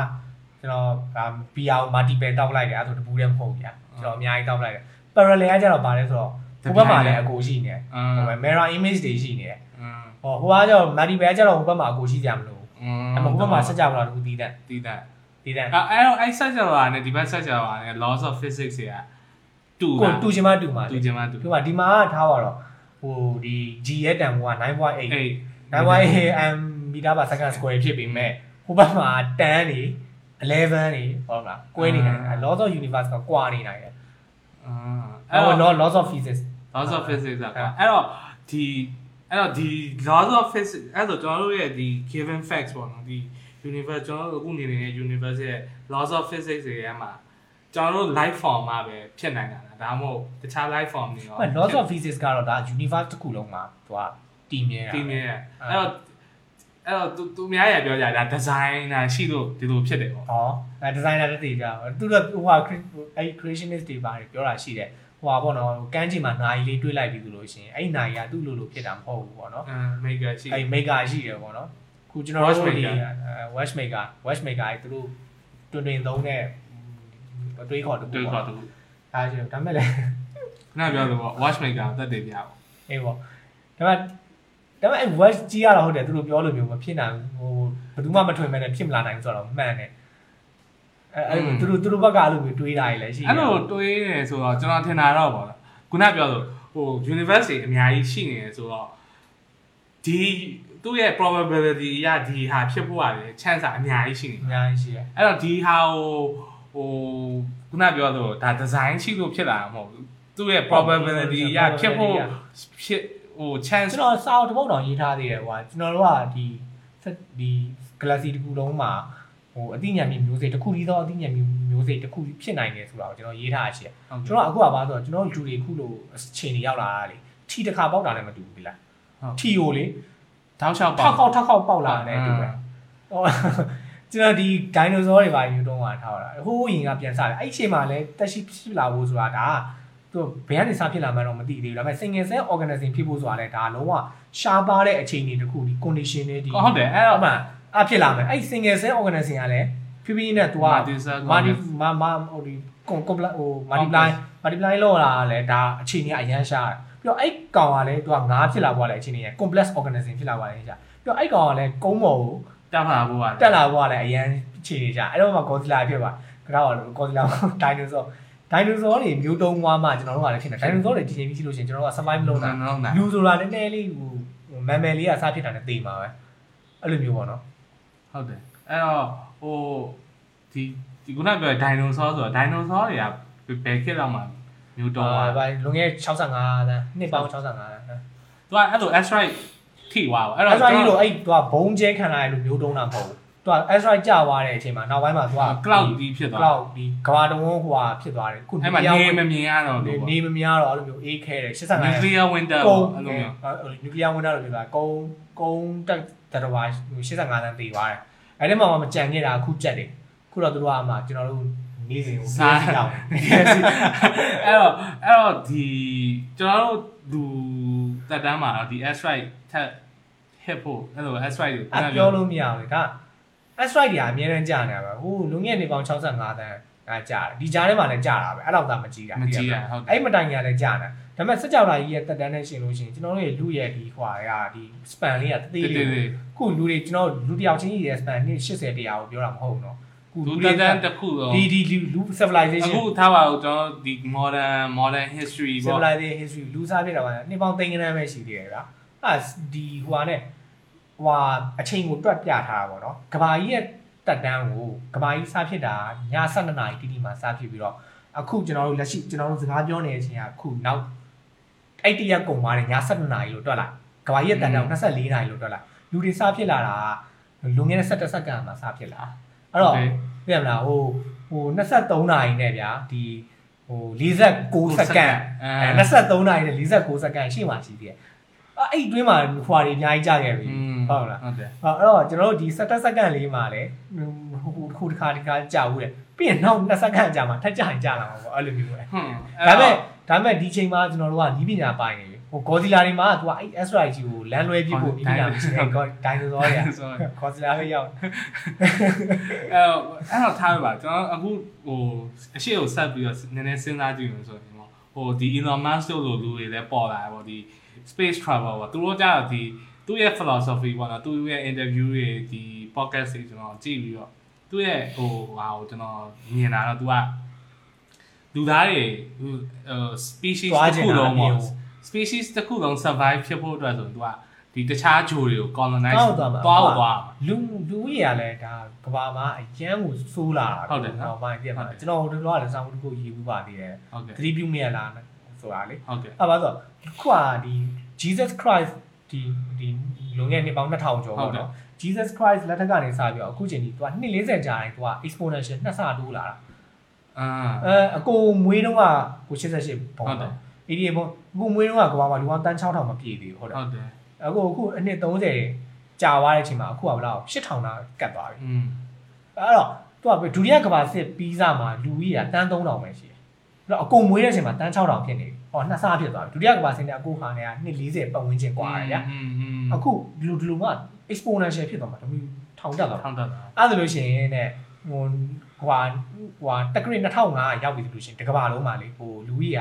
တန်းပေါင်းဟို9တန်းလောက်ဖြစ်နေမှာ အဲ့တန်ပေါင်း9သန်းဆိုတာဒါဘာလဲဆိုတော့ဒီတစ်ကဘာလုံးကတူချူလူဦးရေရဲ့ density နဲ့တစ်ကဘာလုံးမှာပြည့်နေတယ်အဲ့အဲ့တော့ဗျာ စစ်စစ်စရာ အဲ့အဲ့ဒါ ရှီဒီမှာပါပါတယ်တော့ကုန်းမင်မဟုတ်ဘူးဟောအဲ့အဲ့တော့အဲ့တော့အဲ့ဒီဒီနှုံးတန်းဆက်သွားဖို့ကဟိုမျိုးဗျာတော်တော်လေးကိုခက်တယ်ခက်တယ်အဲ့ဒါလူတွေဒါနောက်ပိုင်းတန်းဆက်ချတယ်ပိုင်းအဲ့မှာလည်းဘာဖြစ်တော့ဆိုအဲ့ဒီစင်းရဲနိုင်ငံမှာဒါတော့ဒါ exponential တော့ဖြစ်တာပဲမျိုးပွားတာကိုသိရမလားလူများလေလေအဲ့အတိုင်းဝပုံမွေးနိုင်လေလေဖြစ်မှာပဲလေ exponential ဖြစ်နေအဲ့တော့သွားအဲ့တော့တော့သွားဒီတော့သွားတော့သွားမှာပဲသွားတော့သွားဒီမှာနေကတော့ဟိုနောက်ဟိုမတ်တက်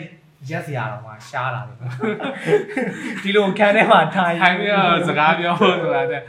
okay အဲ့တော့ဟိုကိုကိုယ်တိုင်ရောအဲ့လိုမျိုးတကယ်လို့အခွင့်အရေးရှိရင်သွားမှာလားသွားမှာပေါ့ဒါပြောဒါကတော့ကိုယ့်ရဲ့ဟို dream တစ်ခုပဲ dream ကိုပါဒါကတော့ဟိုကလေးကလေးဘွားတော့နော်အဲဟိုအာကာသတွေပါ astronaut တွေပါနေရန်ဆောင်တော့အားကြပြီးတော့နောက်ပိုင်းကိုကပါဝါရလာတာအဲညောင်းကြံတော့ဟုတ်တယ်နော်အဲတော့ကိုကြရတယ် ဟိုအဲ့အခုနောက်ဆုံးသူဟိုကတော့ဟို SpaceX ကတော့သူကတော်တော်တော့ဟိုဟာဖြစ်သွားပြီနော်ဟိုဒီ Advance ဖြစ်သွားပြီ rocket ကိုပြန်သုံးလို့ရတယ်အောင်သွားပြီအောင်သွားပြီအောင်သားပြီသူကဟိုနောက်ပိုင်း commercial commercial ဒီဟိုသွားမှာဟုတ်တယ် flight လူတွေတောင်လှုပ်လို့ရတော့ပါอืมအဲ့ခါကျရင်တော့သွားကြည့်ရမှာပေါ့ပတ်စံစုဒါဟုတ်ပဲတယ်ရှိနော်တာတော်တော်ဈေးကြည့်မှာအားသေးကြီးတာပါဒေါ်လာအနည်းဆုံးတန်ကနန်းတော့ရှိမှာနော်ဟုတ်တယ်မြန်မာကုန်နဲ့တွက်ကြည့်သိန်းတောင်းတောင်းကနန်းကတော့ရှိမှာ ဘယ်လိုပဲဖြစ်ဖြစ်သွားဖို့ရရှိအောင်တော့သွားဒီမသိရင်ဟုတ်တယ်မလားဖြစ်ကျွန်တော်တို့တက်တန်းတွေမှာဖြစ်နိုင်တယ်လို့ထင်တယ်ထင်တာဟောဒါကျွန်တော်တို့ဒီလူငယ်တဲ့စိတ်နည်းနဲ့တော့မှဘာမှမတူတော့ဘူးလေอืมသူ့ရဲ့ technology ကအရန် cheap ဖြစ်လာတယ်မလားဒီဟွာတော့က NASA ဒီလကဘာပေါ်ပါညာလှုပ်တော့ကအဲ့ခက်အဲ့ခါ4ဘီလီယံကုန်တယ်သူသူဒီ conversion တွေပါနေဒေါ်လာ4ဘီလီယံကုန်တယ်ဗျဟုတ်ဒီ inflation rate တွေနဲ့မှလည်းထွက်တက်လိုက်လို့ရှိရင်ဒါဒေါ်လာဘီလီယံရှားကြီးရယ်ဗျ အခု Elon Musk ခုလွတ်သွားတာတော့ပါဘူးလို့ရှိရင်ဒါ1ဘီလီယံတော့မပြည့်อืมသူကတော့တကယ်သူတော်တယ်လို့တော့မြင်ဒါဒါတော့ idea ပါကောင်းဒါကတော့ဗာလဲဆိုတော့ private နဲ့ဟုတ်အတယ်စိုးရနဲ့ကွာခြားနိုင်ငံတိုင်းမှာလည်းအတိုင်းပဲအဲ့တိုင်းပဲအစိုးရလောက်ပြီဆိုရင်တော့အစိုးရလုပ်ပြီးဆိုလို့ရှိရင်သူက budget တွေကဟိုအများကြီးကုန် private ကတော့သူကအတိအကျဟုတ်တယ်အတိအကျဆိုတော့အဲ့တော့ဒီ space travel ပေါ့ပြီးတော့ဒီ technology ပေါ့ bro Michio Kaku တို့ပါဟိုဟာဖြစ်တော့အဲ့လိုမျိုးခုနပြောလို့ तू ကအဲနည်းနည်း futuristic तू က သူက futuristic သူက futurism ဟိုသွားရပေါ့ ဟုတ်ကဲ့ အဲ့တော့ထားပါတော့အဲ့နှစ်ပေါင်း2500ခုနပြောလို့ဘလို့ပြောလို့မတ်တက်ရက်စရာတော့မရှိရဲ့မဖြစ်ခင်လေးပေါ့နောက်10နှစ်15နှစ်ဆိုဘလို့ technology တွေဖြစ်လာမယ်ဆိုမြင်တယ် อืม ကိုကိုလောတဲ့လူတွေတက်တော်တော်များများဦးနေတာ space travel ကတော့တက်တက်ဒီမှာ line သွားတယ်ဒီကမ္ဘာပေါ်မှာအခုကြီးကြီးကျယ်ဖြစ်နေတော့ဒါကျွန်တော်တို့ AI နေပဲ AI ဟုတ်မလား AI နဲ့ကဒါအခုတော့ Siri တို့ပါတော့အကုန်လုံးများအဲ့တော့ဒီ artificial intelligence อ่ะရောခုနပြောရုပ်ရှင်တွေကကိုအေးကိုတွေကိုဒုက္ခလူဆိုးကြီးဖြစ်သွားဘူးလူဆိုးကြီးဖြစ်မှာလားလူကောင်းကြီးဖြစ်မှာလားအဲ့ဒါဘယ်လိုမြင်လဲဟို Elon Musk ကတော့သူကလုံးဝဒါဟိုသူမကောင်းဘူးပေါ့သူကတော့မကြိုက်ဘူးသူကဒီဒါအရန်အောင်သူ့ရဲ့ threats လို့သူကမြင်တယ်ပေါ့နော်အဲ့တော့အဲ့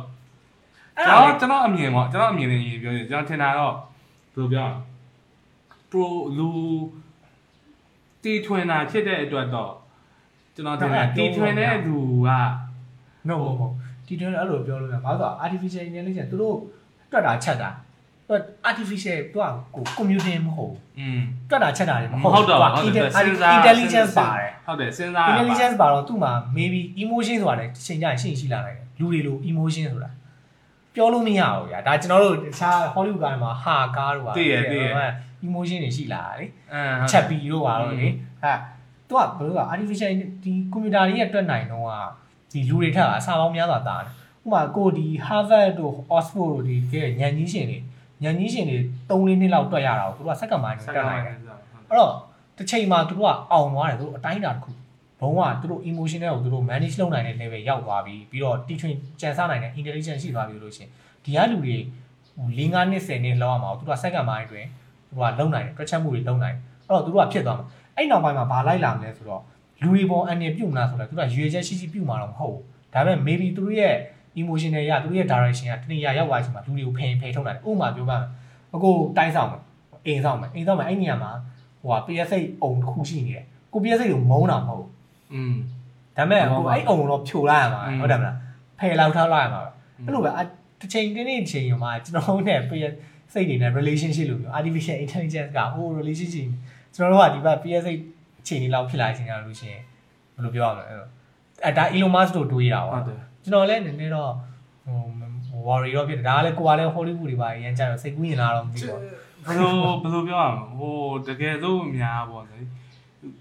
အခုချိန်ထိပေါ့မြင်တာတော့ဟိုဟိုအခုအမြင်ကတော့ဘယ်လိုပြောရမလဲတကယ်တမ်းဟိုဟာဒီ science တွေပေါ့ဒီဟာကို develop လုပ်တဲ့သူတွေပဲဖြစ်ဒီလူတွေက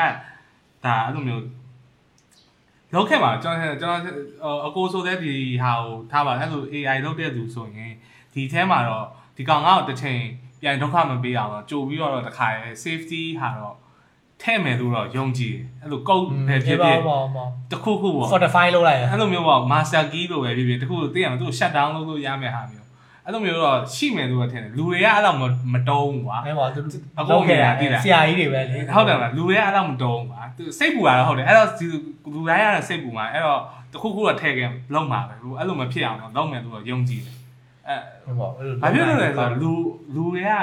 လူတွေကကောက်ကျစ်ပိုကောက်ကျစ်ပိုကောက်ကျစ်တယ်အဲ့အဲ့ဒါပဲအဲ့ဒါအဲ့ဒါကိုပြောချင်တယ်လူတွေကပိုကောက်ကျစ်တယ်အဲ့ဟို batteries ကြည့်ဦးရမလားဟမ် mattress လေအာကြည့်ဦးရတယ် mattress နောက်ဆုံး matrix ဒါပြီဆိုတော့ matrix ကနော် bro bro အဲ့နောက်ဆုံးကရမ်းပါတယ်နော်နောက်ဆုံးကပါလဲဟိုပြောရဟိုခုဟွာဟိုသွားမေးရလေအာခီတက်ကိုအာခီတက်ကို Oracle မေးရလေငါတို့ခုဟာဟိုဟာဗာငိမ့်ငိမ့်ရတာတေးကြပြီလားပြောတာအာခီတက်ကပြန်မလဲ Who do you think I am human ငါ့ကိုလူများထင်နေလို့လားသူကစကားတီးတယ်လူတွေပဲမတီးတယ်အဲ့လိုမျိုးပေါ့အဲ့တော့ကျွန်တော်တို့တော့ simulation အခု matrix ကတော့တကယ် simulation ဟာကိုသူက base ထားဆိုတော့ကျွန်တော်တို့တော့အခုအကိုတို့ဒီဟာ simulation လို့ထင်တာအဲ့ဒါတော့ပြောတယ် Nick Brostorm လားသူကတော့ဟို simulation ကအီလိုမာဆိုလို့ရှိရင်လည်းအရန်ယုံတယ်အဲ့ယုံဒါတယ်ကိုလုံးဝသူကလုံးဝ simulation ပဲဒီခုလက်ရှိဖြစ်နေတာ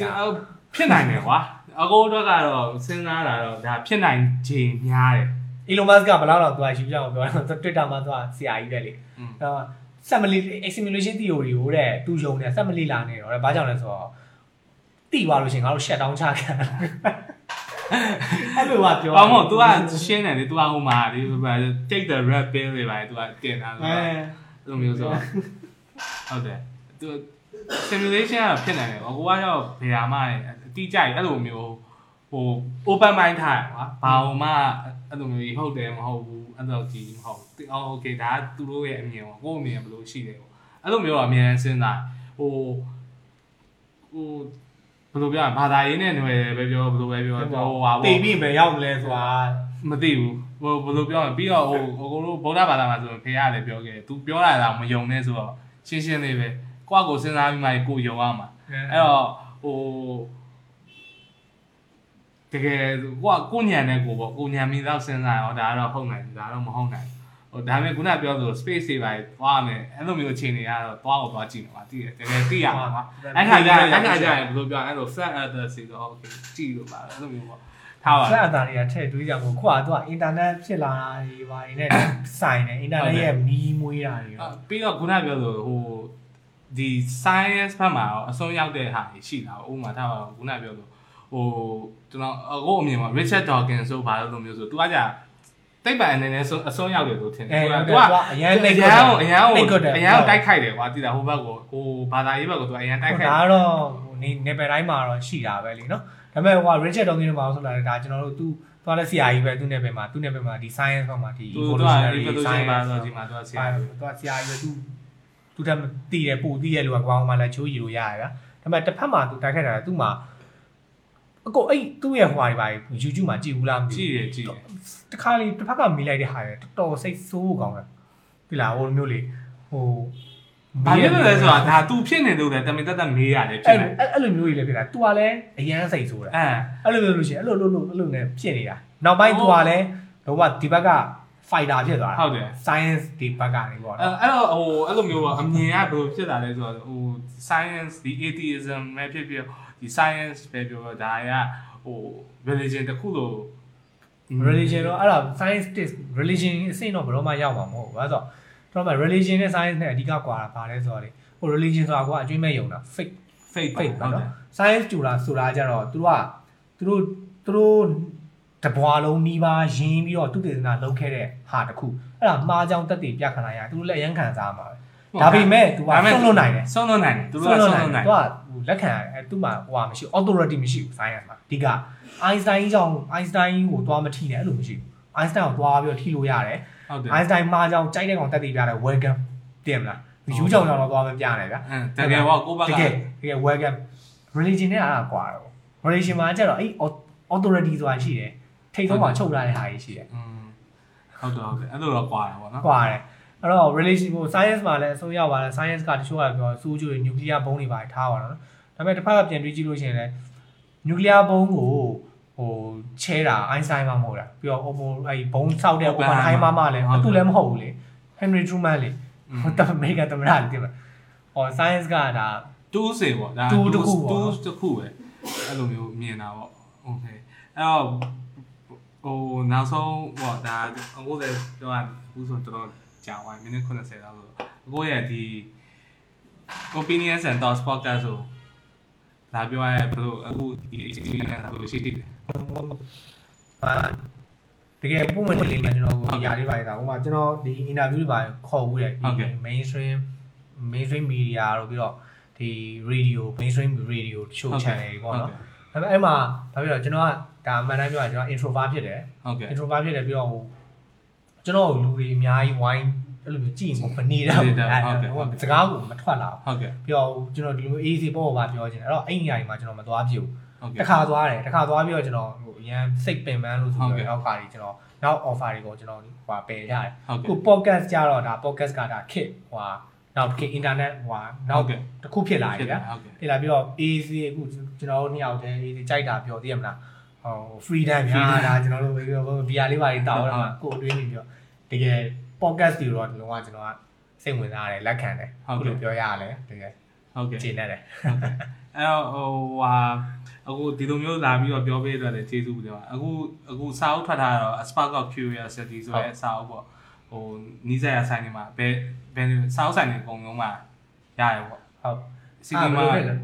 အဲရတယ် city city မှာပါနေဒီနောက်ပိုင်းတော့မပြောတတ်ဘူးပေါ့နော် Online မှာမှာကျွန်တော်လို့ရဖြန့်ချင် online မှာမှာလို့ရ online မှာမှာလို့ရမှာကျွန်တော်ကျွန်တော်ရဲ့ website ရှိတယ်အဲ website မှာအောက်ဆုံးမှာဟိုဟိုဟာ Google form လေးတစ်ခုရှိတယ်ရှိတယ်အဲ Google form မှာဝင်ဖြည့်လိုက်ပြီဆိုလို့ရှိရင်သူကပို့ဟုတ်ပေးတလိယ်မ့်ဟုတ်တယ်ဟုတ်တယ်အကိုလည်းအဲ့ website ကနေပဲမှားလိုက်တာအာပို့ပေးလိမ့်မယ်နောက်တစ်ခုကဘာလဲဆိုတော့ကျွန်တော်တချို့ကျွန်တော်နောက်ပိုင်းမှာ marketing ကျွန်တော်အလုပ်တစ်ဖက်လည်းရှိရတယ်အလုပ်တစ်ဖက်ရှိတော့ marketing ဒီဘက်ကိုလည်းမလှည့်နိုင်တော့ ရောင်းကောင်းတဲ့ဆိုင်ကကုန်သွားတယ်ဒါပေမဲ့တချို့ဆိုင်ကြီးကြလဲလုံးဝအခုချိန်တအုပ်မှမထွက်လိုက်တဲ့ဆိုင်ကြီးတွေရှိတယ်အဲ့တော့အဲ့တော့အခုဒီခါကျတော့အခုကျုံလုံးပြောတာလို့ဒီခါလေးကျွန်တော်ဟိုပါလေ WE distribution อ่ะအာဝီအဒီမှယိုဆိုရင်အဲ WE distribution မှာဆိုစောက်တွေအများကြီးပုံနေတာအော်ဟုတ်အဲ့တော့ဟိုကျုံရင်တော့ကျုံကျုံရင်ဘက်ကမာပြီးမှာပြီးညပြီးမာပြီးပေါ့ဟုတ်နော်တခြားမှာလည်းမာပြီးရအဲ့တော့ဒီလိုမျိုး science ဟို communicator ပေါ့နော်တယောက်အနေနဲ့နောက်ထပ်ဟော စာအုပ်တွေပါထုတ်ဖို့ရှိသေးတာရှိတယ်ရှိတယ်ဒါအခုဆိုလို့ရှိရင်ဒါကျွန်တော်ကတကူရှိတာဒါကျွန်တော်ရသစာပေးလည်းမဟုတ်ဘူးဟုတ်ကဲ့ဟုတ်ဆိုတော့ကျွန်တော်လိုမျိုးပြဟိုစိတ်ထဲမှာဟိုမျိုးဟိုကြံဖန်ပြီးတော့လည်းတင်မလားတွေးခေါ်ပြီးတော့လည်းရေးလို့မရအောင်ကျွန်တော်ကဒီဟာကိုရေးမယ်ဆိုရင်ကျွန်တော်အချက်လက်အချက်လက်တွေ resource ကိုရင်စုရတယ်ဟုတ်ဟိုဘာအကြောင်းရေးမှာလဲဟုတ်ကဲ့ပြီးရင်အဲ့ဒါအကြောင်းဘာတွေပါမှာလဲပြီးတော့အချက်လက်တွေကဘယ်ကမှားလားမှန်လားအဲ့လိုခွဲတော့အောင် ခုလောဆယ်ကျွန်တော် resource စုနေတဲ့ကာလတော့ရောက်နေပြီအဘာအကြောင်းရေးမယ်လို့စဉ်းစားတာခုနကဟိုပထမစာအုပ်လို essay တွေပဲလားဒါမှမဟုတ်အာဒါအရေးမြစ်ပြောပြမယ်ဆိုလို့ရှိရင်ကျွန်တော်အခုရေးမှာဒီဒီ science revolution ဒီ modern science ဒီဒီ Copernicus တို့ခေတ်ကစလို့ပေါ့နော်ဟုတ်ကဲ့အဲ့ဒါနဲ့ကျွန်တော်ကဒီမြန်မာဘက်ကဟာနဲ့ကိုကျွန်တော်ကရှင်းရေးမှာရှင်းရေးဥပမှာမာထားပါတော့ဒီ Faraday တို့ပါတော့ဒီ Riot Riot Society မှာဒီဟိုဟာဖြစ်နေတဲ့ဒီ ဒီဟိုဟာ magnetism တွေပါတယ်အဲ့ magnetic field ကိုစပြီးတော့တွေ့နေတဲ့အချိန်မှာဒီဘက်မှာဟိုဘိုးတော်ဖျားတို့ဒီအော်ဟုတ်ပြီအဲ့လိုမျိုးဟာဒီတောင်းတဲ့ theory တွေဖြစ်နေတဲ့အချိန်တွေဗျာအဲ့အဲ့ဒါကိုကျွန်တော်နှစ်ခုရှင်ရေးဖို့ရှိတယ်အဲ့တော့လည်းကျွန်တော်အခုဆိုလို့ရှိရင်ကျွန်တော်တမိုင်းစာအုပ်ဆိုကျွန်တော်ကလရဆုံးဝယ်ထားတယ်မှန်တမ်းရတယ်အဲ့ history နဲ့ science နဲ့ကိုပြန်ပြီးတော့အဲ့ပြီးတော့ဟိုညုံများရဲ့ကုန်းပေါင်အော်ကုန်းပေါင်ရှာပုံတော့အဲအဲ့ဒီစာအုပ်ကြီးဝယ်ထားတယ်ဒါပေမဲ့တမိုင်းစာအုပ်တွေကအခုချိန် ဝယ်ပဲထားတာမလန်သေးဘူးငငယ်တော့ဟုတ်ဘူးလေ အဲ့တော့နောက်တစ်ခုအနေနဲ့ဟိုဒီဟိုပါပေါ့ကျွန်တော်တို့ဒီအခုနောက်ပိုင်းမှာရောဒီမြန်မာပြည်မှာရောဒီလိုမျိုး science ကိုအဲ့လိုမျိုး research တွေပါလုပ်တာတွေပါကြားတာတွေပါရှိတာမရှိဘူးเนาะ အမ် ပြီးတော့ဘယ်လို တချို့ နောက် တွေလည်းရှိတယ် ဘိုးလိုမျိုးဒီဒီ science communicator ကိုတိတ်ပံကြောင်း အော် ရေးတဲ့စာရေး နောက် ဆရာ ပိုင်း တွေ မှာ ပါရှိတာ အဲ sign communicator တွေပေါ်တော့ပေါ်လာတယ်အဲ့ဒါကျွန်တော် တွေးချင်တကယ်တကယ် one and one တာဟုတ်ကဲ့ကျွန်တော်ဒီ curiosity နောက်ပိုင်းမှာလေဟုတ်ကဲ့ page လေးထောင်လာကြကျွန်တော်တစ်ခါလေးတွေ့ပြီးတော့ကျွန်တော် page မှာအောက်မှာ comment ရေးထားတယ်ဟိုလိုသူ့ page ကိုလာအားပေးပါအောင်အော်ပါဟုတ်ကဲ့အဲ့ဒါဆိုကျွန်တော်သွားကြည့်ပြီးတယ်ကျွန်တော် like လို့အဲ့ဒါ welcome ဟုတ်ကဲ့ဟိုတော်တော်များများတခြားနေတွေပါတယ်မှာဆိုတော့တခြားဒီစီးပွားရေးသမားတွေပါကျွန်တော်ဒါစီးပွားရေး commentator လို့သူတို့မြင်နေမယ်ဗျာမဟုတ်ဒါပေမဲ့ကျွန်တော်ကြားတော့ဗျာ competitor မဟုတ် industry တစ်ခုဆိုတာအဲ့လို competition ရှိမှလည်းဖွင့်ဟုတ်ပြတယ်လို့ပါကျွန်တော်ကြတော့ဒါဟို ကိုဖြစ်ချင်တာဟုတ်တယ်ကိုယ့်ရဲ့ goal က curiosity အောင်မြင်မှုမဟုတ်ဘူးဗျာဟုတ်ကဲ့ကိုယ့်ရဲ့ goal ကတင်မလားဒီဟိုကိုငယ်တုန်းက science ကိုစိတ်ဝင်စားရတယ်ဒါပေမဲ့ဖတ်စရာအင်္ဂလိပ်စာတွေပဲရှိလို့နည်းနည်းခက်ခဲခဲ့တယ်အဲ့တော့အဲ့ဒါကိုဒီဘက်မှာပြန်ပြီးတော့လူတွေလုံးလဲကူ science ကိုဖတ်တာဖတ်တာ black hole ဆိုလို့ရှိရင်ဒါကျွန်တော်တို့ဆိုတာနောက်ပိုင်းမှာလေးလာမှသိရတာဗျာဟုတ်ကဲ့ဒီစေတန်းပတ်ဝန်းကျင်တော့ဟုတ်မှာကဲ့သိရမလား black hole တို့ dark energy တို့ပါတော့အဲ့ဒါတွေလူတွေရင်းနှီးသွားအောင်လို့အဲ့ဒါကျွန်တော်ရဲ့ခိုးပဲအဲ့တော့ကျွန်တော်ကျွန်တော်ရေးတာတစ်ဖက်တစ်ဖက်ကပူရင်ပို့တော့ ပူညီရသေးတယ်ဟုတ်ကဲ့ဟုတ်ကဲ့အဲ့တော့ဟိုနောက်ပိုင်းလေးပေါ်လာတယ်ပေါ့ဟုတ်အဲ့ဒါဆိုရင်တော့ကောင်းပါတယ်ဟိုအဲ့ဒါဆိုရင်ဟိုဘရိုဘာပြောစရာရှိတယ်။နောက်မရှိတော့ပါဘူး။အာမေးတာရှိသေးတယ်။မရှိအဲတော့ကျွန်တော်ကအဲခုနပြောသလိုပေါ့ဟိုဘာမှတော့မရှိပါဘူးနောက်လည်းလာပါအောင်ပေါ့ဖိတ်ပါတယ်။ဟွန်းဒီလောက်ပါပဲစကားပြောရတယ်ကောင်းပါတယ်ဟိုကြာပြီပဲကျွန်တော်လည်းဟုတ်ချိန်တော့ဟိုပါပြပါအဲဆိုရင်အားလုံးပဲဘိုင်ဘိုင်